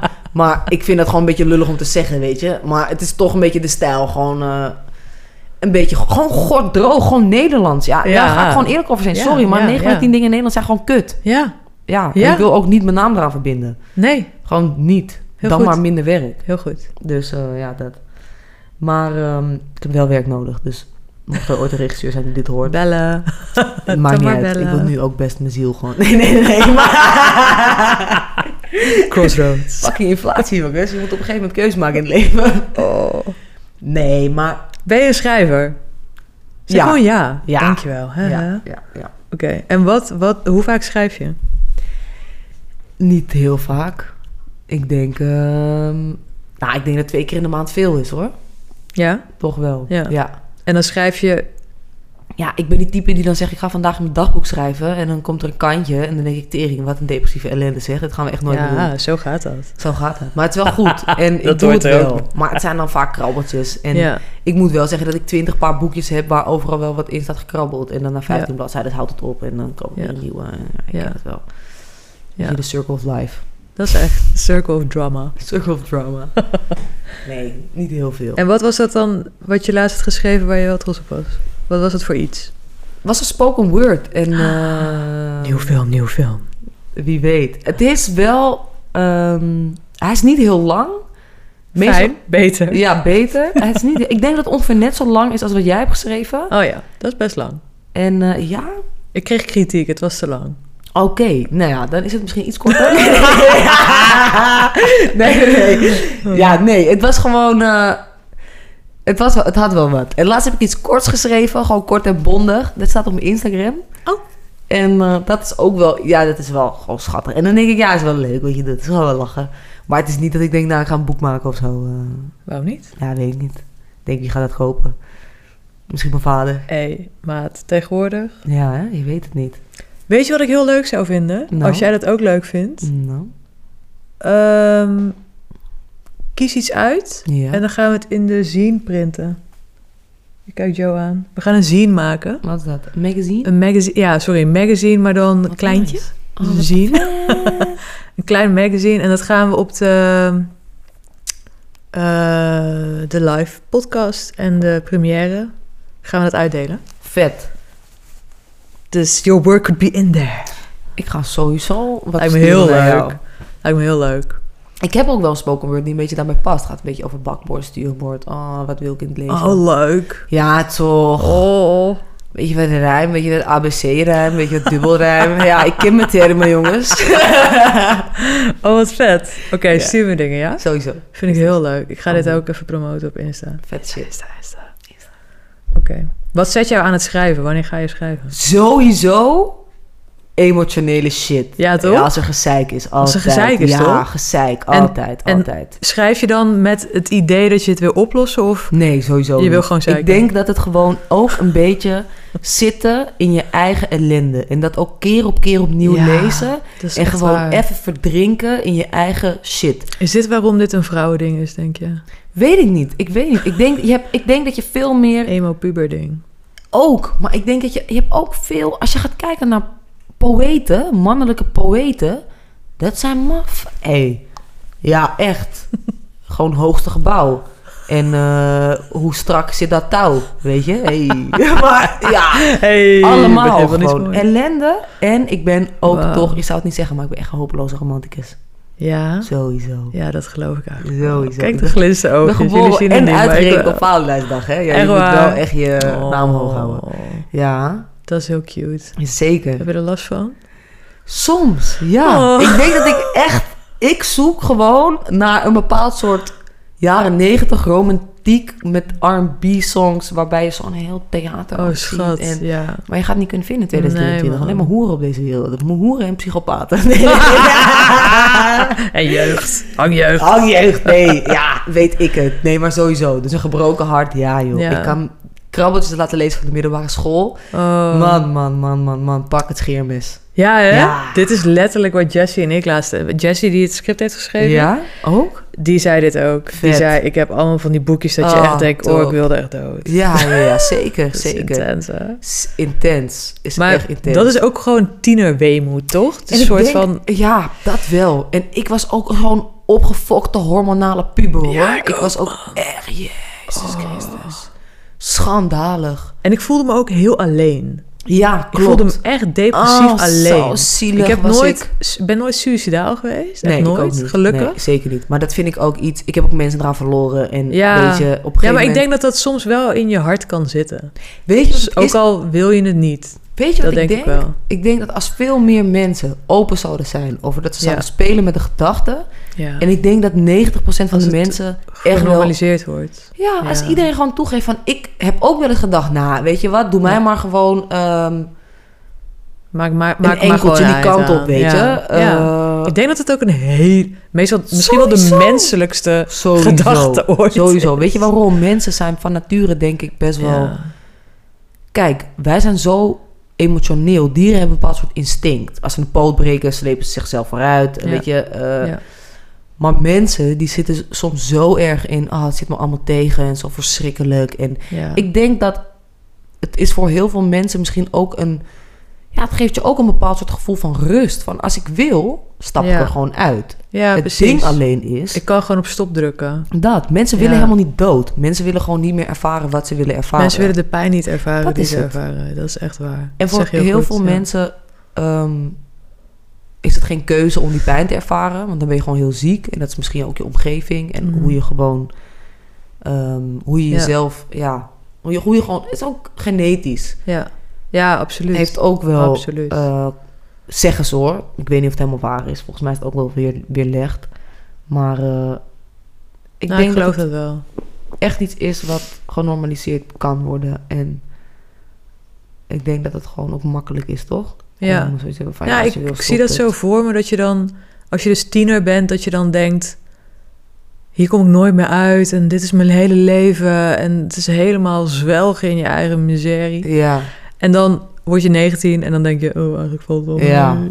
Ja, maar ik vond 19 Maar sommige mensen komen er dus niet uit. Zo zie ik dat, zo, zo zie Klopt. ik dat dus voor me. Dat ik dan denk, wow. Ja, maar ik denk echt... Of is het dan toch iets anders? Want dat is ook wel heel hormonaal eigenlijk. Ik weet niet. Ik denk dat het sowieso verschilt tussen man en vrouw. Wij kunnen er denk ik makkelijker over praten. En het is ook sociaal meer geaccepteerd. Er zijn nog meer mannen die zelfmoord plegen. Hmm. Ehm, Jonge man, hè? ja.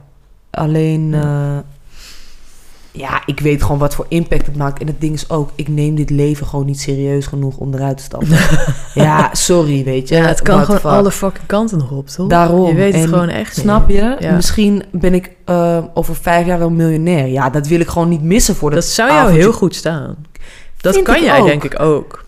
Ik denk Weet dat ik het niet. die Nee, ja, eerste Lamborghini wel. gaan we wel samen kopen. dan. dat het misschien mogelijk is als ik mezelf er echt toe zou zetten. Maar ik denk dat ik soms ook gewoon te veel geniet van ehm, lekkere film kijken, niks doen, boekje lezen. En Komt de luiaard weer. ja, het is Ja. ook echt die luiheid hoor. En weet je, ik heb echt momenten gehad dat ik gewoon contant gewoon een leuke merkjas kan aftikken en echt niet hoef zorgen te maken over die maand daarop of die maand daarop huur. En elke avond komt er geld binnen. En ik heb me ook gerealiseerd, op een gegeven moment is het, ehm, is het helemaal niet meer zo belangrijk. Want het is er toch wel. Mhm. En ik denk dat uiteindelijk, ehm, dat hoor je heel veel oude mensen ook zeggen. Ik vind dat waanzinnig interessant wanneer dat eindelijk komt, wat er dan echt belangrijk is. Ja. Als jij daar ligt en je hebt geen kinderen, geen eh, ooms en tantes, geen vrienden, geen... Dat is echt rijkdom en daar moet je echt in investeren. En ja. ik ben denk ik te veel mensen verloren, maar ook mensen verloren die nog wel leven, maar waarvan ik echt het gevoel heb ehm, dat ik gewoon ze niet meer om me heen heb, omdat ik er en te weinig in heb geïnvesteerd en omdat ik het ook gewoon zelf heb gesloopt. ja, Dat is een bepaald soort gemis. dat is een mooi besef. Helemaal niets kan dat goed maken. Geen enkele auto, geen, enkel, Nee, eh, geen enkele filmrol, helemaal niets. nee. Ehm, en dat is denk ik voor mensen ook goed om te realiseren. Dat met die keerzijde van succes en ook hoe het jouw karakter kan veranderen. Ja. eh, en ook dat je niet meer past in de groep waarin je eerst wel floreerde. Op een gegeven moment ben je dat ontgroeid. Op een gegeven moment heb je andere mensen nodig om je heen. Ja, dat is echt waar. Mm. Ik weet nog heel goed dat ik eh, met Rijn eh, ooit een gesprek had, omdat ik merkte dat ik in een, eh, op een T-splitsing stond. In mijn carrière, maar ook heel erg in mijn, in mijn bestaan, in mijn ziel. Mhm. En dat merkte ik omdat ik bepaalde klussen aangeboden kreeg. Ja. En toen dacht ik, oké, ga ik dit dan doen? Of ergens merkte ik, het klopt niet helemaal. Mhm. En toen dacht ik op een gegeven moment... oké, dit betekent dus dat ik... of ik ga nu slecht worden... ja. of ik ben en blijf goed. Oh, maar dat ken ik heel goed, dat gevoel. En toen... het niet lastig toch ook? Eh, ja, want Het is makkelijk om slecht te zijn, toch? Een slechte keuze te maken. Vind ja, dat vind ik dus meevallen... Ja? omdat ik eh, ben opgegroeid met echt een gigantisch geweten. Mhm. ja. Echt Ja. heel... eh, een, een, een gelovig geweten. Dus Ja, is anders. Dus voor mij is slecht... be- daar ben ik best wel snel. Ja, ja, ja, ja, ja, ja. ja. Oké. niet heel ver weg. Ja. Ehm, dus ik, ja, ik denk dat dat een heel grote rol heeft gespeeld. Maar ik merkte dus dat ik, dat ik dacht eh, dat ik er voor het eerst open voor stond. Mhm. En dat ik daarom die klussen kreeg. Mhm. En toen dacht ik, fuck, maar dit is helemaal niet wie ik wil zijn. Mhm. Dit is helemaal niet wie ik wil worden. Dit is helemaal Mhm. niet de legacy die ik wil nalaten. Want ik moest op dat moment kiezen voor mijn ego en geld. Of voor mensen inspireren en iets Vet. moois doen. Ja. Ja. Misschien is het ook niet dat ik zeg van... oh, het is makkelijk om slecht te zijn... maar het is misschien makkelijk om keuzes te maken die... ik denk voor de een makkelijker dan voor Ja. de ander. Maar om gewoon keuzes te maken die wel veel opleveren... maar die misschien niet heel goed zijn voor een ander. Of ehm, toch uiteindelijk... Ik merk dat ik daarin af en toe ook wel het moeilijk heb gevonden. Tuurlijk. Bijvoorbeeld eh, in dat maatschappelijk werk is het zo. Je kan voor een lezing kun je soms beter 2000 euro vragen dan dat je 300 euro vraagt. Want als jij 200 euro of 300 euro vraagt, dan is het dat je minder serieus wordt genomen. Ja, Maar als jij een fix bedrag vraagt, dan nemen mensen je misschien eerder serieus. Maar ik zit alleen maar te denken, ja, dat is ook subsidie, weet je, Ja, die jij uitbetaald krijgt. En Ja. andere mensen hebben mij voor gek verklaard van Nou ja, dat kan ik wel begrijpen, want Toch? de subsidies zijn potjes. dat. En ook dat ik. En dan is het zo, ja, als jij het niet opmaakt, dan gaat het toch op naar iemand anders toe. Dat. Dus het is heel Moet op. dubbel. Maar ehm, Ja, ik denk niet dat ik. ehm, ik denk dat ik het misschien niet goed zeg. Het is misschien niet makkelijk om slecht te zijn, maar het is misschien soms makkelijk om niet je verantwoordelijkheid te nemen en niet echt ja, En ik- gaan voor je hart. Want dat is best wel moeilijk hoor, want dan moet je heel veel voor laten. Ja. Mensen vergissen zich daarin. Echt Ja. doen wat je leuk vindt is lastig. ja, het is echt lastig. Het is echt wel lastig. Ja. Ik denk dat er heel veel mensen. Maar uiteindelijk is mijn grootste drijfveer altijd geweest... en dat zeg ik ook tegen al mijn stagiaires en mijn collega's... je moet gewoon elke ochtend blij zijn als je wakker wordt... met wat je Mhm. gaat doen die dag. En dat kan niet Dat feilloos zijn... maar Klopt. ik merkte gewoon hoe meer ik van dat soort slechte klussen zeg maar deed... Mhm. hoe meer geld er was, Ja. maar hoe minder blij ik was. Ja, klopt. Gewoon, ik werd gewoon niet blij. En dan straal, als ik niet Ja. blij ben, dan straal ik dat uit. ja, maar dan word ik mijn ook. omgeving niet blij, dan inspireer ik niemand meer. Ja, man, ik had dat ook. Wat, ben je, wat stel je dan voor? Voor wat, voor wat de fuck doe je het dan? Serieus? Ik deed een tijdje dat pokeren van die illegale Ja. pokergames. En ik werkte toen met een gast samen. En hij was wel, ik vond, ik mocht hem wel. Heel veel mensen konden niet met hem omgaan. Maar wat ik heel erg mocht aan hem is dat hij. Het was een botte boer en hij kon me af en toe echt het bloed onder mijn nagels vandaan halen. Maar hij betaalde altijd op tijd uit. Hij had altijd zijn shit geregeld. En op een gegeven moment zei hij ook gewoon tegen mensen van... Jij mag niet meer lenen, weet je? Maar je zit wel in een wereld waarin je gewoon wel gasten hebt die... Zeker, ze doen allemaal wel iets. Eén is misschien wel gewoon boekhouder, maar de ander is gewoon een of andere... is gewoon gaaiers. Je hebt gewoon veel gaaiers aan de Ja. tafel. En je weet ook gewoon niet echt altijd wat er binnen zit. En bij hem was dat dan wel anders. Maar dan verdien je tussen de 300 en de 600 euro op een avond. En dan heb ik het ook wel eens op pokergames gedaan... waar je gewoon echt met de kop minimaal naar huis gaat. Op een gegeven moment, als je dat drie dagen in de week doet... en je verdient in de week soms gewoon belachelijk veel geld... wat je doet en met wat voor mensen je omringt... is gewoon, naar mijn mening, is niet goed voor je ziel. Het is echt niet goed voor je ziel. Nee, het gaat Het alleen heeft maar echt heel snel heel veel effect. Het, gaat, het is verslaving. Mensen gaan door aan die tafel, snuiven zich helemaal de get weer in. Ja. Ehm, er wordt veel gedronken, er wordt veel gerookt. Eh, als vrouw zijn er ook, het klinkt misschien een beetje traditioneel, en, maar ik vind ook, het is geen wereld voor een vrouw. Je bent kwetsbaar, toch? Dat moet je je realiseren. En het is vooral de energie die er hangt. En ja. dat is ook een energie die in een koffieshop hangt. Het is alleen maar ehm, negativiteit. En voor hen is het niet eens meer vermaak. Al verbloemen ze het wel zo. Het is iets wat heel erg in ons mens zijnde zit. Namelijk het op zoek gaan naar een bepaald soort trail. En het op zoek gaan naar het randje.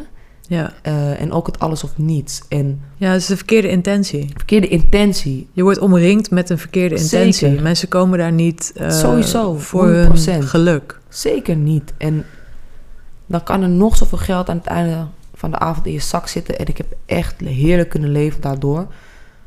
Ehm, als jij niet daarheen gaat en je denkt... oh, ik eh, doe iets wat ik echt top vind. Ik vind het gezellig. En ik heb het heel lang echt leuk gevonden. Maar op een gegeven moment slijt dat. En dan is het alleen nog het geld. En ik heb gewoon... Ja, ik... ik werkt niet. Nee. Het werkt gewoon niet voor mij. Dan heb ik liever eh 1000 euro of 3000 of 4000 euro minder in de maand. Ja. Ja. Goed dat je daar wel bent achtergekomen en dat je daar zo snel bent achtergekomen. Ja, nog, want je bent nog steeds Maar ja, ik had ook gewoon mijn kut kunnen verkopen. Want die mogelijkheid heb ik ook gehad. Ja, Vaak genoeg. maar dan had je Eh, moeder beide benen gebroken en je Dat je sowieso, dat sowieso. getrokken. En ik heb ook meiden om me heen gehad... waar die heel, ook één iemand met wie ik heel close was. En ik zat nooit veroordelen. Ik heb heel veel respect voor mensen die het doen. Ik denk dat je... ehm, je moet echt iets aan en uit kunnen zetten. En zij deed het ook op een andere manier, hoor. Eh, zij heeft nooit echt intiem contact gehad... maar meer gewoon over, weet je, dat OnlyFans gebeuren. Hm. Ik vind, het is jouw lichaam, je moet ermee doen wat je wilt. Maar ik denk ehm, dat als vrouw zijde wel iets is wat je... Ja, waarom zou je het ambiëren? En eigenlijk 9 van de 10 sekswerkers die eruit komen... die zeggen dat ze getraumatiseerd zijn. Die zeggen dat ze het deden voor het geld. Die zeggen dat ze hun studie wilden betalen. Ehm, of die wilden een bepaald soort macht voelen... omdat dat Mhm. hunzelf misschien wel eens is ontnomen in het leven... Ja. En dan denk ik niet dat je het met de juiste intentie doet. Hou je Dat nou is van het denk ik seks ook. en ben jij helemaal En al doe je het wel met Ehm, die juiste voor jouw intentie. seksuele vrijheid en allemaal Ja. dat soort dingen. Do you, sowieso. Het is ja, maar wie is je straatje. partner dan? Ja, ik denk... je? ehm, De- jouw klant, ik zeg partner, maar ik bedoel Ja. klant.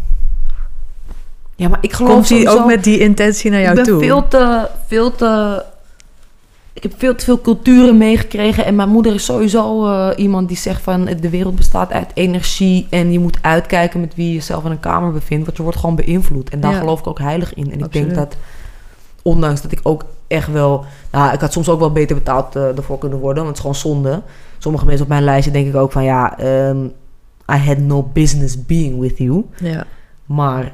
ja dat hoort er ehm, ook bij. dat hoort er ook bij. Ja, want dan man. kom je er ook achter wat je niet Ja, wil. En wat voor vrouw echt- je ook misschien niet wil ja, zijn. absoluut. En dan heb je allemaal van die mierenneukende mannen die zeggen... Ja, maar als vrouw zijn... Dus hou je gewoon je bek en steek even je leuter... in misschien de honderdste die je hebt genaaid. Want die twee maatstaven, dat, eh, dat gaat mooi, ook hè? nergens over, weet je. Hoe Dus, vind jij eh, het als vrouw in de filmindustrie? Merk jij dat?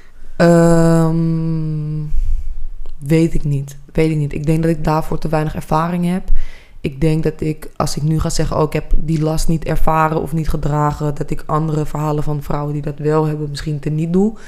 Ehm, ik weet dat het voor vrouwen een hele pittige wereld is. Nou ja, maar jij, jij hebt wel in een... Jij hebt niet heel veel eh, projecten gedaan... Nee. maar de projecten waar je in zat... zijn op het oog wel met mensen geweest... die best wel oké zijn... en die gewoon relax, relaxed zijn. En, Ja, absoluut. En ik heb ook geluk gehad. Eerste Dat keer- denk ik wel Zeker. eigenlijk. Ik heb zelfs... Toch? Ja. Ja, zeker. Nou, nee, moet ik, ik, zeg dat omdat ik dat zelf ook heb. Ik, trek, ik Ja. merk, ik trek steeds vaker dat producenten mensen, en regisseurs ja. aan die ook zijn Ja, zoals ik ben. je, en dus Ik heb met het meest niet? gewerkt. En eigenlijk, het is heel lullig voor andere regisseurs. Alleen daar valt gewoon bijna niet meer... ja, ehm, niks aan te tippen. valt niet aan te tippen. en ik sprak een actrice en zei... Ja, goed. ik weet gewoon niet of... ehm, en niet alleen Mees, hè. Het was en, Ja. en zijn toenmalige vriendin Gaite Jansen... en Jonas Smilters en Bilal Wahib... en ook alle mensen van de Vichacie eh en geluid. Omdat dat hele team, dat bruiste van energie. Maar er was, ik moest eigenlijk een naakscène doen voor die film. En Oh ik ja. wilde dat niet. Ja. En dat heb ik niet eens hoeven uitspreken op de set. Maar ik was gewoon allemaal sop in een badkuip aan het verzamelen. En hij voelde aan dat ik dat niet wilde. En hij heeft er niet eens wat over gezegd. En we hebben gewoon die scène geschoten. En er is niet eens gevraagd of ik Tieten wilde laten zien of niet. Dus Ja. dat is een bepaald soort veiligheid. Maar ja, ik heb ook een keer een kusscène gehad. En toen zei ik tegen de regisseur, ik word er zenuwachtig van. En toen zei hij, ja, doe toch maar die kus. Want ik voel het niet. Weet je, dat is ook kut. Alleen, het ding is dat... Ja... Ik denk, je hebt altijd een keuze. Ja. Vaak in Ja. een situatie. En Ja. Vaak nemen vrouwen misschien een onbewuste keuze... doordat ze zich onder druk gezet voelen. Ehm, Of het dat- idee hebben of dat, het idee hebben ja, dat. dat dat gebeurt. Ja. ja. Ehm, En ik vind, we moeten, en dat begint soms door ook wel eens op te lijken, we moeten niet vergeten dat we altijd beide een bepaald soort verantwoordelijkheid dragen in een situatie. Ja. En ik vind het eh, verkeerd om te zeggen, ja, ik ben eh, kwetsbaar, want ik ben een vrouw. Ook al is dat wel zo hoor, in heel veel situaties. Maar je hebt nog steeds gewoon een mond. En als je iets niet wilt doen, kun je het gewoon zeggen. Ja. Het probleem is alleen, ja, dan kan het je wel werk kosten. Dat is wel wat eraan vasthangt ja. als je iets vindt en als je wat uit, eh, dan kan het je werk kosten. Maar ik denk dat dat voor mannen is dat ook Maar dat zo. geldt voor alles. Ja, Ja, dat, ik bedoel, er is nu je ook ja. die voetballer. die heeft die vrouw een kus gegeven op haar mond. Hij mag de komende drie jaar mag je niks in de voetbalwereld doen. Is ook een consequentie van gedrag. Dus ehm is ook een consequentie van een keuze die je maakt. Ja. Dus op het moment dat iemand jou wat vraagt en je wil dat niet, ja, is op een filmset anders dan wanneer je gedwongen wordt ook echt. Hè? Dus nee, ik heb dat niet ervaren. Nee. Maar ik weet wel dat het heel erg speelt en dat het iets is wat echt gaande is. En het is ook niet eerlijk om eh, te vergeten dat niet iedereen draagt mijn karakter en heeft mijn eigenschappen. Absoluut. Niet iedereen Nee, absoluut. is zo zeker van. eh, Ja. En ik denk dat jij je goed eh, kan verweren in een mannenwereld. Dat, eh, Ja, denk je- ik ook wel. Misschien te veel ook zelf. ja. Ja, misschien. Het heeft me vaak veel meer gekost Ja. ook dan dat het me heeft opgeleverd. Eh, Ja? Jawel. Ja, ja, ja. Ja. Ja, ik vind gewoon vaak te veel. Ik moet gewoon leren om mijn bek dicht te houden. En soms denk ik ook niet genoeg na over wat ik zeg. Dat is gewoon een feit, ja. ja. Ik zou niet de politiek in moeten, nee. Nee, Nee. podcast dan maar. Ja, misschien. ja. Ik wil nog even met jou hebben als laatst eigenlijk Mm, over de film. nice. Ehm, Sowieso een van de vetste dingen die ik heb gemaakt. Nice. Of waar ik heb aan mee mogen doen. nice. Je Sowieso. mag zeggen, ik heb gemaakt. Oh ja. Claim het, claim het. Ja. Nee, sowieso. Ja, dat is heel leuk om te horen. Ik Ja, hetzelfde. Ja? Vet. Eén ding gemaakt. ja. Nee, eh, ik, ik werd op het NFF gevraagd hoe wij bij jou terecht zijn gekomen eh, door iemand. Wat maar vet. dat herinnerde ik me eigenlijk niet echt meer. En toen ging ik daarna nadenken. Waarom voelde diegene dat? ja, dat weet, dat weet ik niet. Het was gewoon iemand in het publiek. Oh, En eh, het grappige was dus dat iemand het vroeg van eh, hoe heb je Tamar, hoe heb je eh, die en die gevonden? Dus ik zei Mhm. dat is Tamar. Tamar bellen heb ik nog gezegd tegen het publiek. Lachen. Bel Tamar. En iemand, Vet. ja, dat was leuk. En iemand in het publiek zei toen, iemand anders zei toen, was het via Dream School. Oh, wat en toen lachen. zei ik volgens mij een soort van automatisch ja, maar, Maar dat dat, is helemaal niet Dat is zo. blijven hangen bij mensen, dat dat is toch hilarisch? Ja, zeker. Ik weet nog dat ik werd gebeld door mijn agent en hij zei tegen mij: Tam, ik heb iets en ik weet zeker dat het wat voor jou is. Eigenlijk lag het op het stapeltje van iemand anders, maar ik weet dat jij schrijft en dit moet je gewoon even checken. Wil je er naar kijken en dan moet je me zeggen of je het leuk vindt. En toen las ik het en toen dacht ik: dit is zo vet. Als ik deze rol niet krijg, dan ga ik hier naar kijken. En ik En weet nog dat Bilal van Ja, nou, ik keek, ehm, ik keek ernaar. Ik dacht, dit is gewoon fucking vette shit. En niemand anders gaat dit beter kunnen doen dan ik. Ja, hard. En ik denk vooral die instelling, die nam ik ook mee naar dat gesprek. Ja, die nam ik wel mee, nog wel dat ik daar met een soort bom van energie kwam. Van het Ja. is 30 graden, maar ik zit hier met mijn bontjas en mijn plaknagels. En deze fucking rol is van mij. En ik weet nog dat ik ook voor het eerst zoiets had van...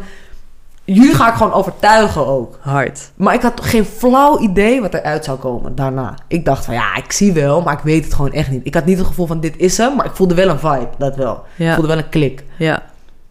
Ja, Ja. die was er wel. Ja, toch? Ja. Heb ik zo'n goede pokerface?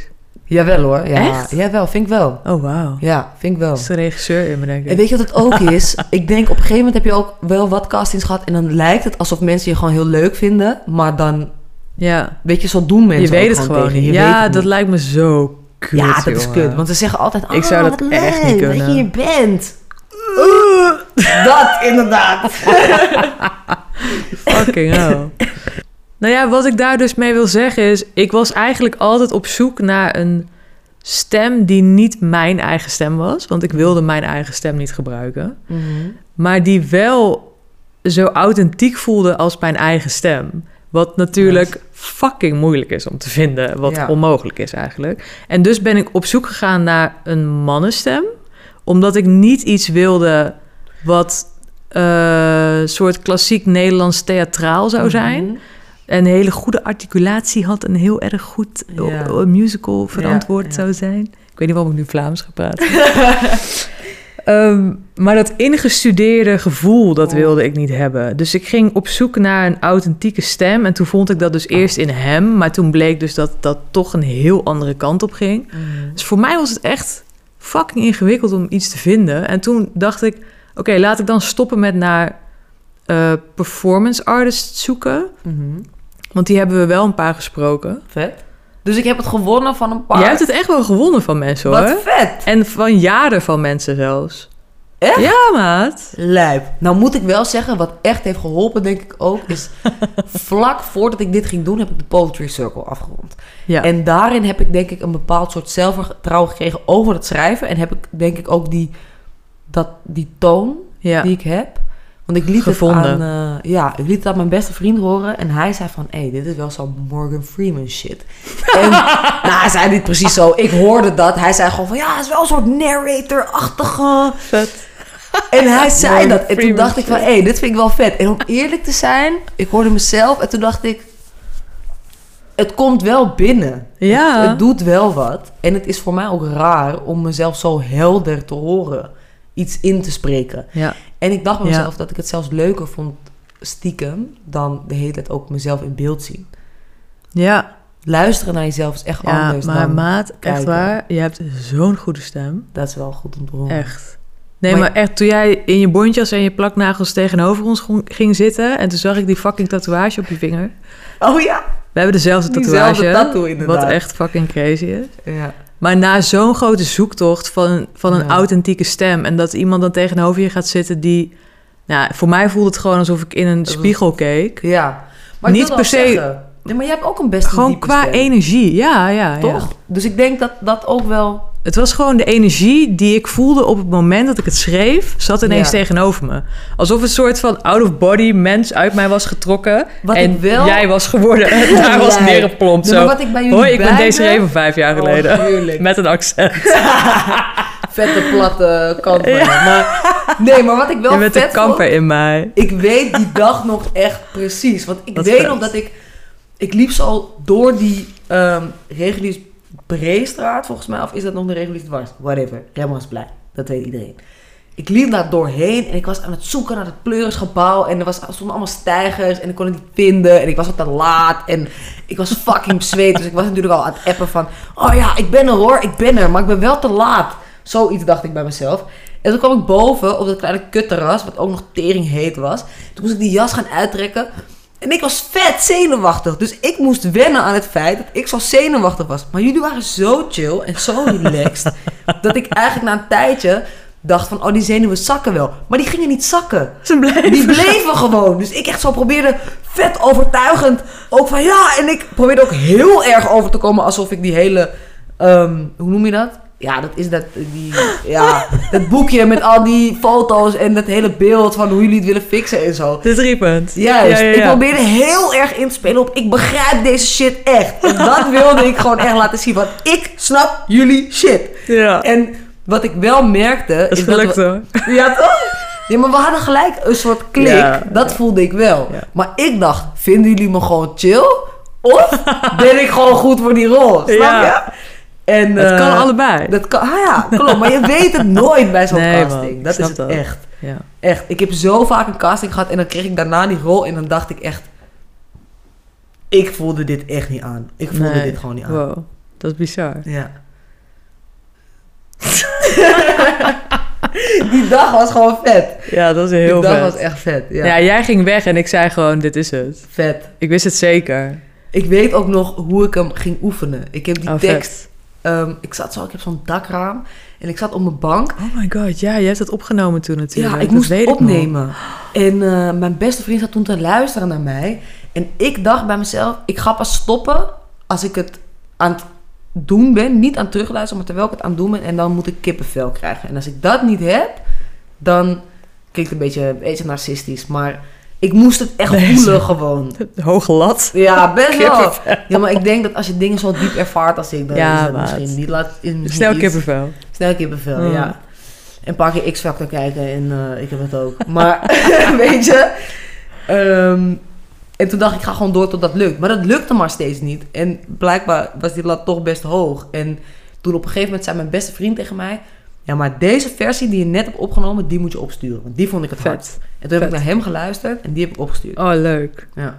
Heel hard. Ja, dat. Ja, ik moet zeggen dat eh er waren dus vier of vijf mensen die hem in hebben gesproken uiteindelijk. Oh. En het was niet dat je hem perfect insprak, want dat kon niemand. Want Nee. dat kan ook niet, denk ik. Nee, Want het is- daar is die tekst denk ik Het gaat te- all over the place. Vind ik niet, eigenlijk. Grappig. Nee, Maar het, het was echt eh, je energie vet, en je stem. vet. Ja, Nice. echt grappig. Ja, Nice. het is echt... eh, ik, ik vind jou echt een verademing en een hele frisse wind in het Nederlands filmlandschap.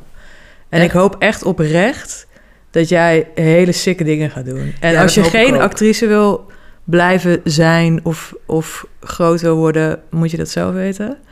Maar ik hoop dat we nog heel lang van je mogen genieten. Ik hoop het ook, want ik mis het wel hoor. Af en Ja, toe. ik dat voel snap me wel, ik wel, echt. ja. eh, ik heb het gevoel alsof ik leef als ik op een set sta, of als ik ermee bezig ben, of als ik tekst aan Ja. het oefenen ben. Of omdat ik, ik denk dat acteren je bent en verhalen aan het vertellen, maar ik heb en een hele grote fantasie. Als kind deed ik ook al karakters na en stemmetjes en typetjes Ja. en Hm. Het vond ik gewoon leuk. Maar ik denk wat, wat ik het mooiste vind aan acteren is dat je kan misschien op een bepaald soort manier de pijn die je hebt ondervonden vanuit je eigen leven een ander soort betekenis geven en daar wat mee doen. En ehm, ik denk dat dat als je dat gevoel kunt overbrengen en als je daar dus, je kan dan eigenlijk iets wat je helemaal kapot heeft gemaakt en iets wat jouw leven heeft getekend, kan je een nieuwe betekenis geven. Dat vind ik echt heel knap. Door het in iemand anders te stoppen die jij niet eens bent. Dus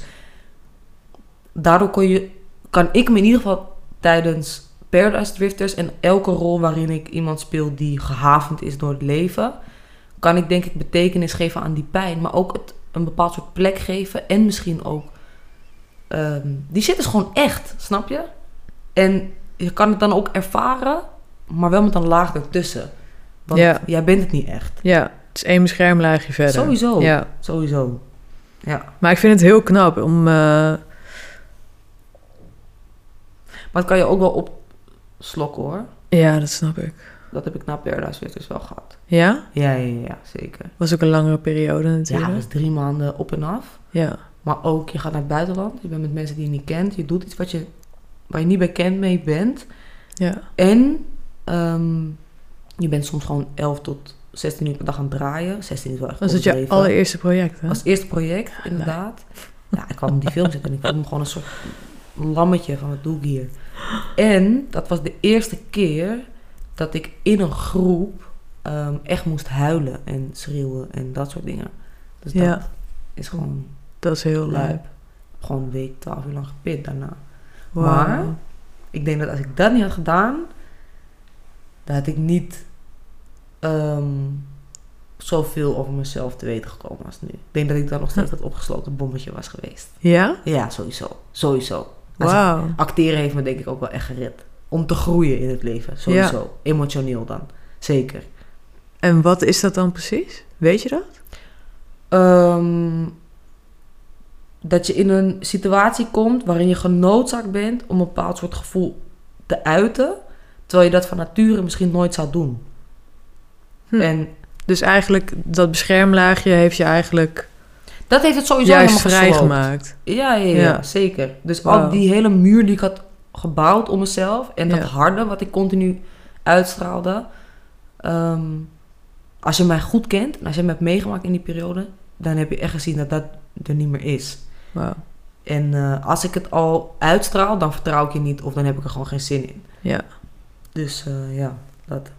goed hè? Ja, ja. Dus dit En- soort dingen, dat is gewoon... Dat Ja, je dat mag meemaken, ja. is gruwelijk. Nou ja, en ik heb dat ook echt met jou opzet gevoeld. En ook niet opzet, want wij hebben natuurlijk ook gepraat over... Maar jij bent eigenlijk de enige die alles weet van de tekst. Zit ik nu te denken, ben jij de enige? Ja, maar die Volgens openheid ook. Ik bedoel, dat het vertrouwen dat je Ja. dat krijgt van iemand om dat en met je te delen. Ik heb er volgens mij ook, ik ben ook iemand die ernaar vraagt. Ja. Omdat ik het, ik denk het belangrijkste. ja, anders ik, dan kan je nooit voelen wat die tekst Dat. hoort te zeggen. Dat is ook logisch Ik vond jou sowieso geval. gewoon een vet, vet wijf. Dus ik wilde ook gewoon weten van wat Thanks. staat daar, weet je. En eh, ik dacht ook gewoon van ja, met jou blijf ik sowieso contact houden. Want ik, ik dacht, nou ja, dit is gewoon te gezellig. Mm, Zonde als we dat niet doen. Bravo. Maar eh, ja, nee, sowieso. En ja, dat heb ik vaker tegen gezegd. Gewoon, je mag iemands verhaal vertellen. Dus je wil Ja. het gewoon perfect doen. Terwijl dat niet kan. Maar je wil zo dicht mogelijk bij dat gevoel gaan zitten... wat iemand heeft ervaren op het moment dat je het hebt geschreven. Ja. Nou, ik vond het wel... ehm, nou, ik was natuurlijk sowieso voor het eerst schrijver, voor het eerst regisseur. Ehm, ik vond het heel pittig om... Nou ja, ik vond het niet per se pittig om uit te leggen wat de tekst betekende... want ik voelde me heel goed bij jou. Heel, wij waren denk ik heel open naar elkaar toe. we, Mhm. hebben het, we hebben ook over alles gepraat. Ja. Ik ben ook bij jou thuis geweest. En Je hebt mijn moeder zelfs ontmoet ook. ik heb je moeder ontmoet. Je moeder heeft Ja. over mij gedroomd. Oh ja, lijp. En, ehm, maar ik vond het wel heel lastig om ehm, van een schrijver te vragen iets te begrijpen wat ik had geschreven en dat dan in beeld te laten voelen. En dat vond ik wel heel spannend voor jou. En ik hoopte gewoon dat ik niet te veel van je vroeg.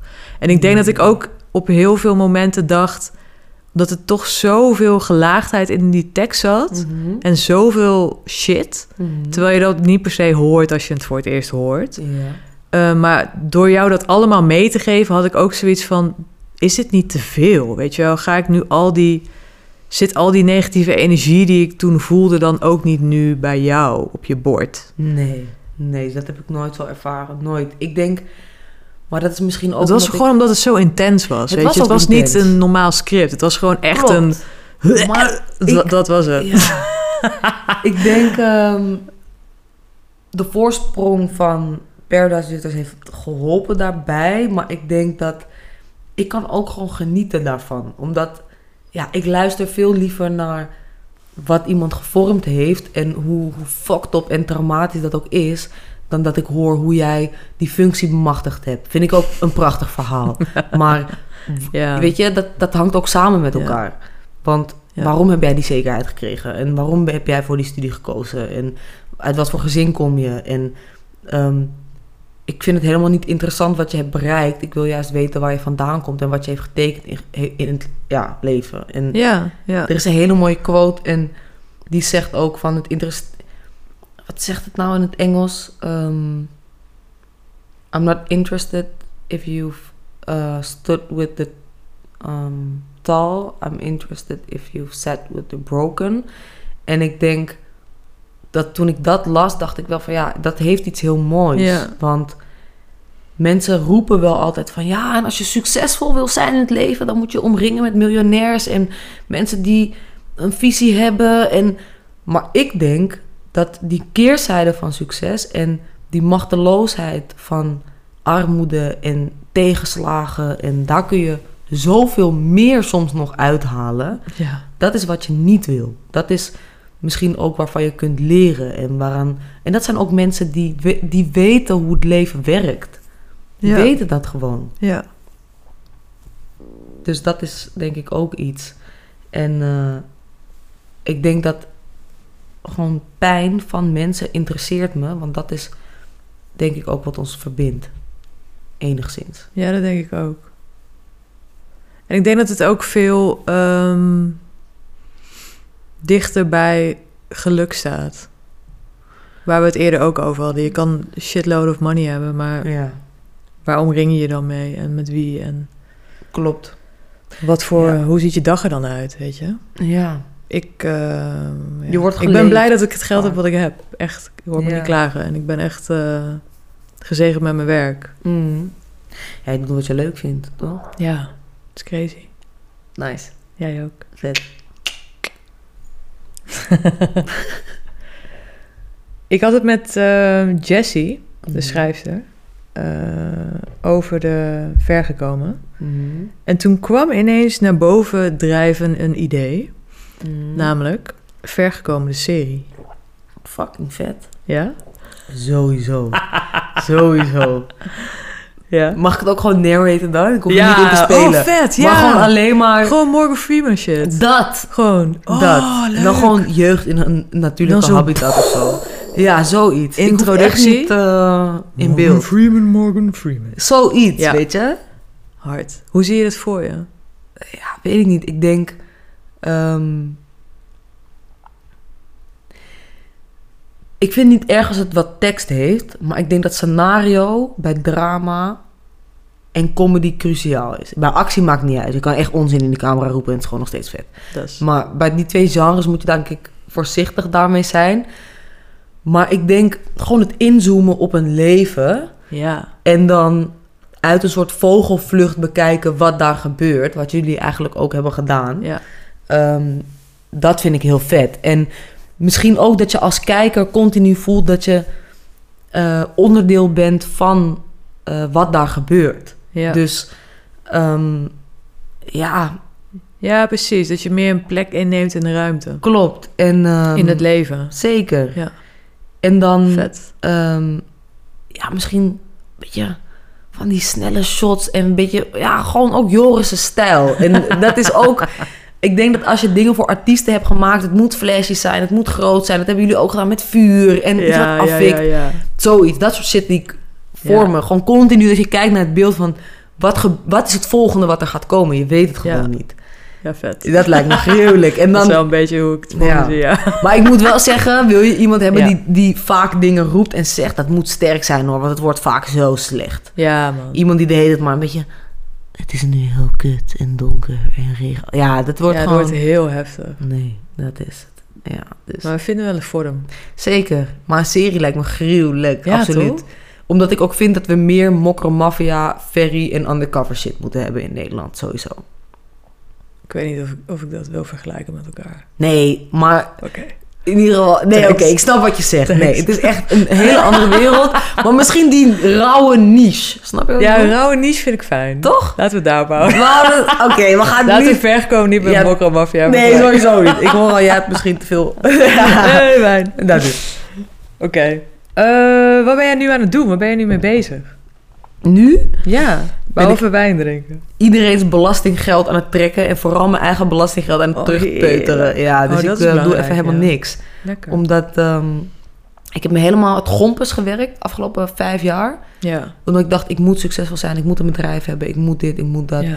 Hoe oud ben je moment- eigenlijk, Tamar? 27. Rustig aan, joh. Snap je? Ik dacht echt, eh, Komt goed. misschien ram ik er wel een koter in of zo. eh, weet ik het. Ja, eh, dat weet je allemaal niet. Maar dat moet je wel bedenken. en ik denk, omdat ik altijd bezig ben Hmm. met ik moet, ik moet, ik moet. En ik wil, ik wil, ik wil. Nu wil ik gewoon even lekker helemaal niks. En dat is ook prima. Dat is heel goed. Even de Ja, ruimte joh. nemen om eh, Zeker.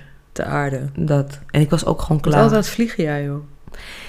Ja, Ja, weet je. dat is echt. Soort katapult ben je. Ja, misschien. Ja. Nou ja, ik had een leraar en die omschreef het vet. En ik denk dat het Ja? misschien ook wel op veel mensen kan slaan.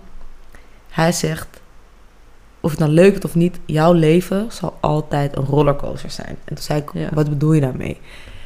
En hij zei, ik ga het je uitleggen. Ik ben ook zo. Je zit in een achtbaan en je gaat omhoog en je hoort die tak, tak, tak, tak, tak. En je hebt continu dat gevoel in je hart van, Het oh, het het gaat het langzaam, het gaat er langzaam, het gaat er langzaam, het gaat er langzaam. Ik wil, ik wil al gewoon zijn op die top en ik wil die val ervaren. Ja. Hij zegt, maar jij moet leren dat je niet continu in die val kan zitten. Nee. Het leven bestaat gewoon uit pieken dalen, Beide, pieken dalen, ja. maar ook langzaam ergens naartoe werken. En dan pas dat euforische, euforische gevoel van, oh ja. Ja. ik ga nu helemaal vallen. En, Wauw, ja. ehm, en hij zegt, daar ben Dat je is een heel continu. mooie omschrijving. Hij zei dat echt heel goed. Dat zegt hij echt. Ik hoop dat Zeker. andere mensen dit horen. Want Zijn vrouw is is echt psychiater, sowieso. Dat Oh, heeft hij ook uitgelegd. Want op een gegeven moment viel alles op zijn plek. ADHD, dopamine tekort Oh, nee. en continu die trail zoeken. Dus ja, weet Elke je. weekend dat- naar Walibi. Ja, man, echt. Goh. Ja, dus dat. Ja. Wow. Nee, helemaal geen ene Dat is echt moe. mooi uitgelegd. Ja, hij kon dat ook goed hoor. Hij was ook echt een gruwelijke docent. Ja. Ik moet ook zeggen, ik had... eh na, NFF... Wacht, na NFF Ja. had ik echt zoiets... Nu je dat zo vergelijkt met die, met die rollercoaster... Dat mijn rollercoaster eindelijk tot stilstand was gekomen van deze film. Ja? En toen dacht ik, holy fuck. Ik had in één keer weer ruimte voor allerlei dingen in mijn hoofd. Dat was echt lijp. Ik kan me voorstellen. Het was de hele tijd Ja. gewoon Dit. dit, dit, dit, dit, dit, dit, dit, Alles door elkaar heen, freelancer er doorheen. is ook niks voor mij. Wat? Maar denk, nou ja, continu met één ding bezig zijn, wat dan... Ja, het is lang. Het is gewoon te lang. Het is Ja. te lang. Ik hou ook Dit van... was wel ook wel onnodig lang hoor. Dit had korter Twee jaar duren. was het? Twee jaar. Hoe, hoe lang was het? Zeven, schatje. Oh ja, zeven hè? voor jou, ja, voor mij misschien twee, maar voor voor, jou jou... twee, ja. Voor jou is het al lang. Zeven, ja, maar Twee is al te lang. alle goede dingen kosten tijd. Sowieso. Dat is, dat is. Dat is een super mooi excuus voor dingen die gewoon te lang duren.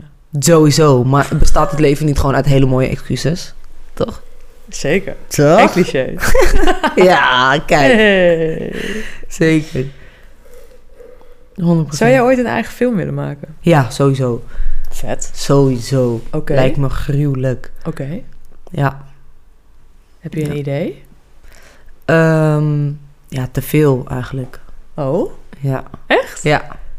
Oké, dan is de, de, de um, volgende vraag is de vraag waar ik altijd mee eindig. Mhm. En dat is wel een hele interessante nu, vind ik eigenlijk. Wat zou je doen met een gigantische zak geld? Ehm, ik zou sowieso de Werkgeoriënteerde. werkgeoriënteerd. Ja, Oeh. geen hongersnood dingen.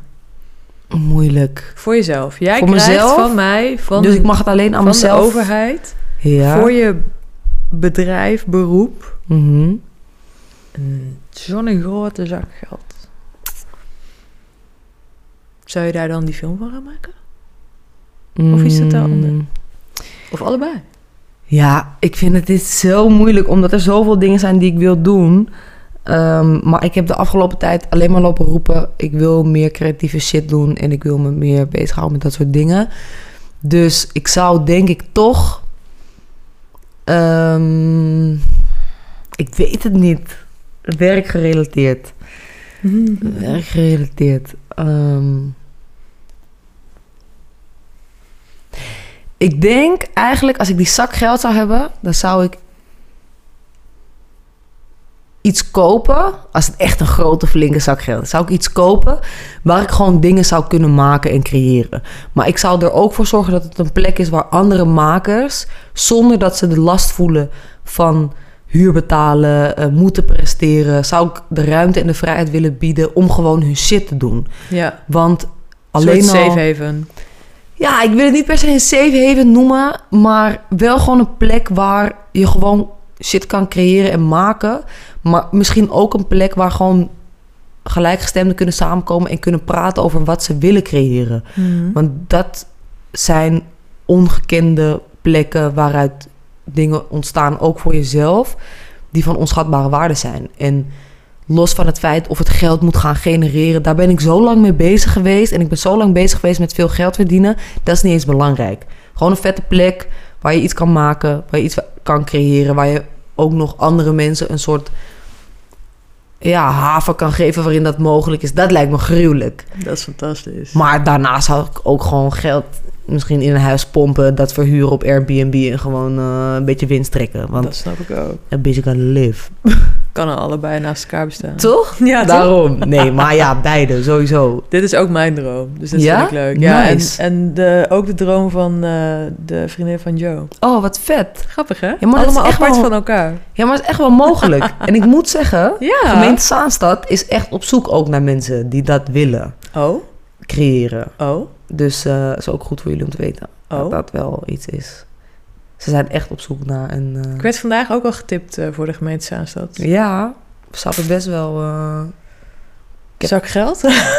Maar die is er, hè? Vergis je niet. Als we in Ja. januari iets aanvragen, begin van het jaar, moet allemaal nog opgemaakt worden. Je krijgt gewoon... ehm, Oh. Ik heb wat wel, ja, ondervonden dat dat helemaal niet zo moeilijk is. Goed plan, goede pitch, veel motivatie. Dat hebben wij wel. Heb je zo subsidie. Lekker. Toch? Oh, wat fijn. Toch? Ik En je eigen goeie. film? Eigen film. Een- Gun to your head. Waar gaat die over? sowieso kostuums, als in misschien jaren 60. Hmm. Ehm, misschien ook iets verder terug. Maar in ieder geval dat je bijna kan ruiken dat het oud is aan gewoon... Ik denk op film zou ik het ook willen draaien. Omdat ik gewoon... Je hebt een zak geld nodig. Ja, ik heb echt een zak geld nodig. Ik weet het, ik weet het. Ja. Ja. Misschien niet eens op film. Gewoon... gewoon Mag. Mag. Droom, maar ja. mag. Maar ja, toch iets... ehm, toch ook rauwe randjes van de maatschappij. Maar ik zou er Ja. humor in willen. Echt veel Ja. humor. Dus veel gezeik. Veel leed. Veel, gewoon eigenlijk hoe het leven ook is. Gewoon Ja. janken en huilen. En af en toe een beetje schreeuwen.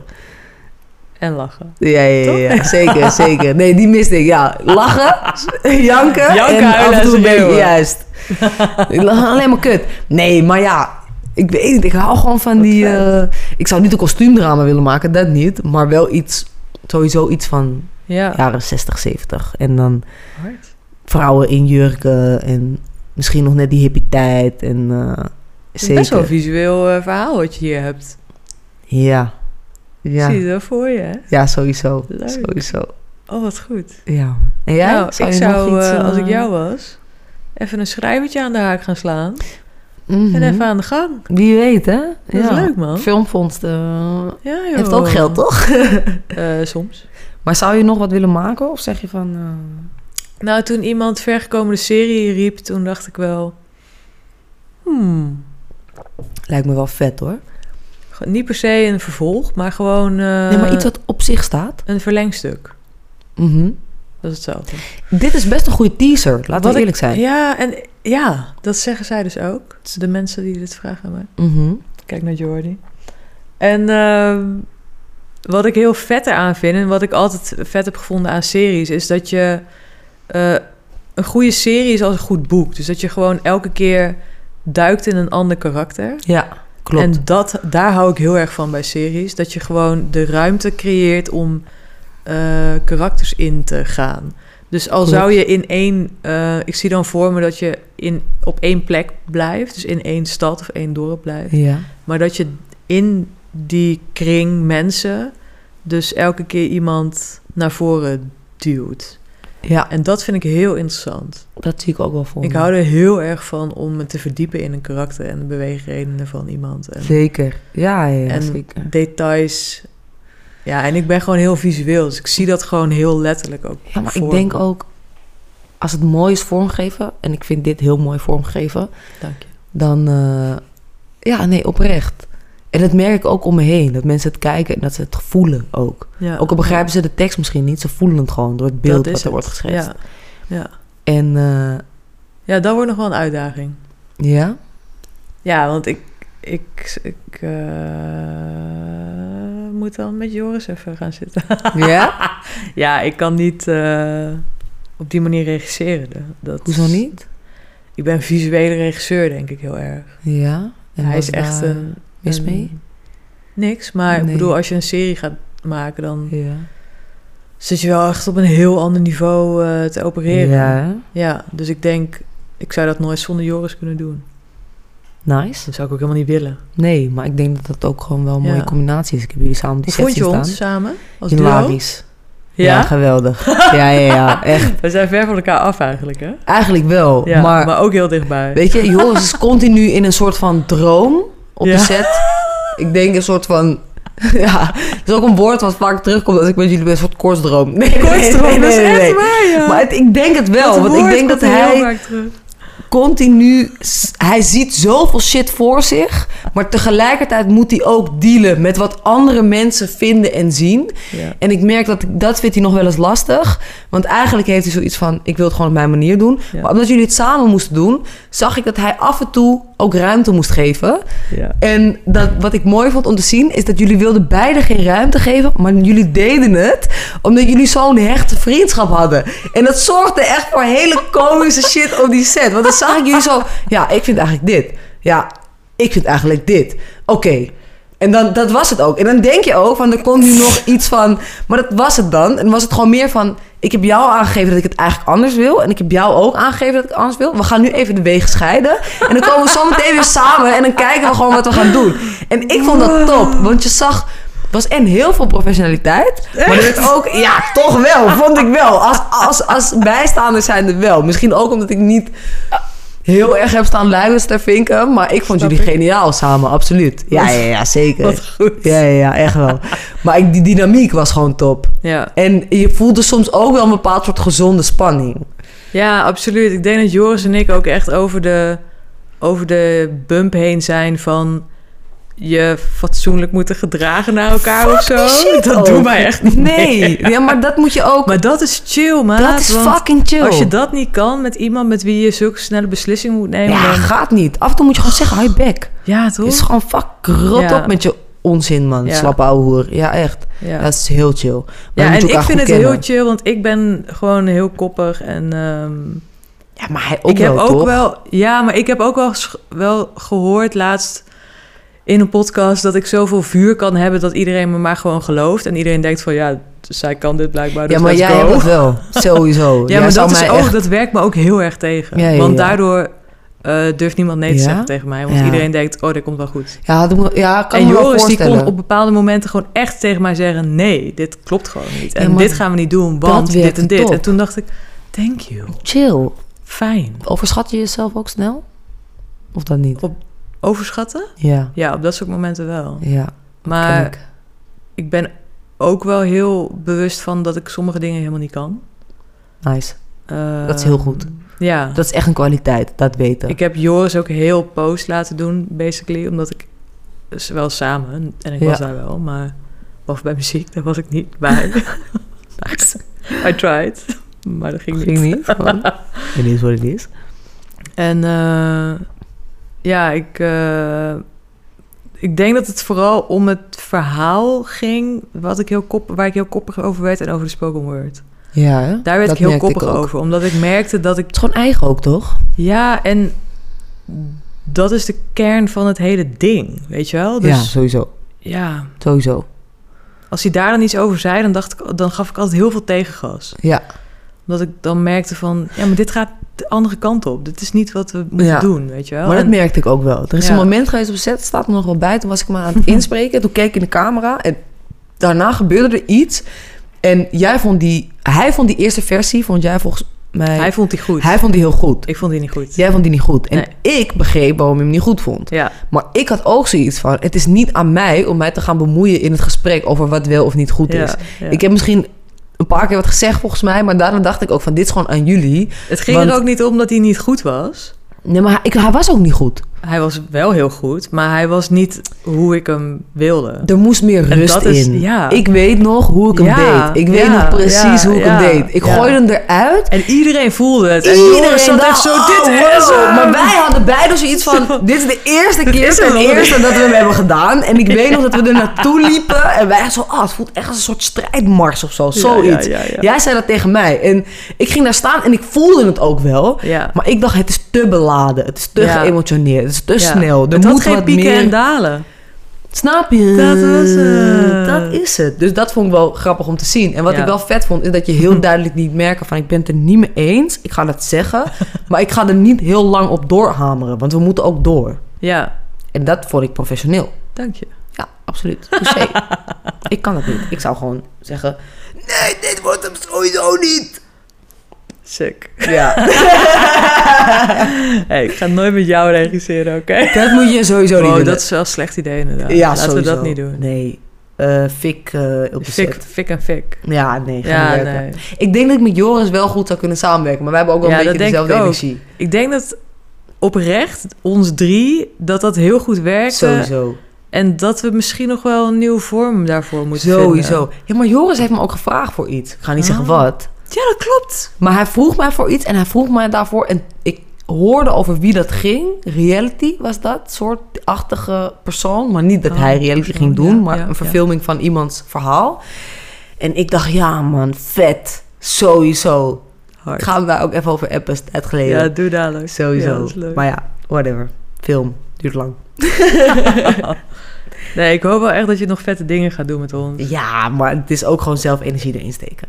Ja. Ik heb Maar ga volgende- eerst chillen. Ga Ja, eerst, niks doen. Dat is waar. Ja, echt. Ja. Echt, ik, Ik zweer kan het je. ook niet. Door mijn eh, ziektebed afgelopen jaar, omdat Mhm. ik eh, geopereerd moest worden en zo, heb ik voor het eerst in mijn leven gewoon gedwongen thuis gezeten. Ja, maar dat is goed voor En daardoor soms. voel ik nu alles wat ik nu voel.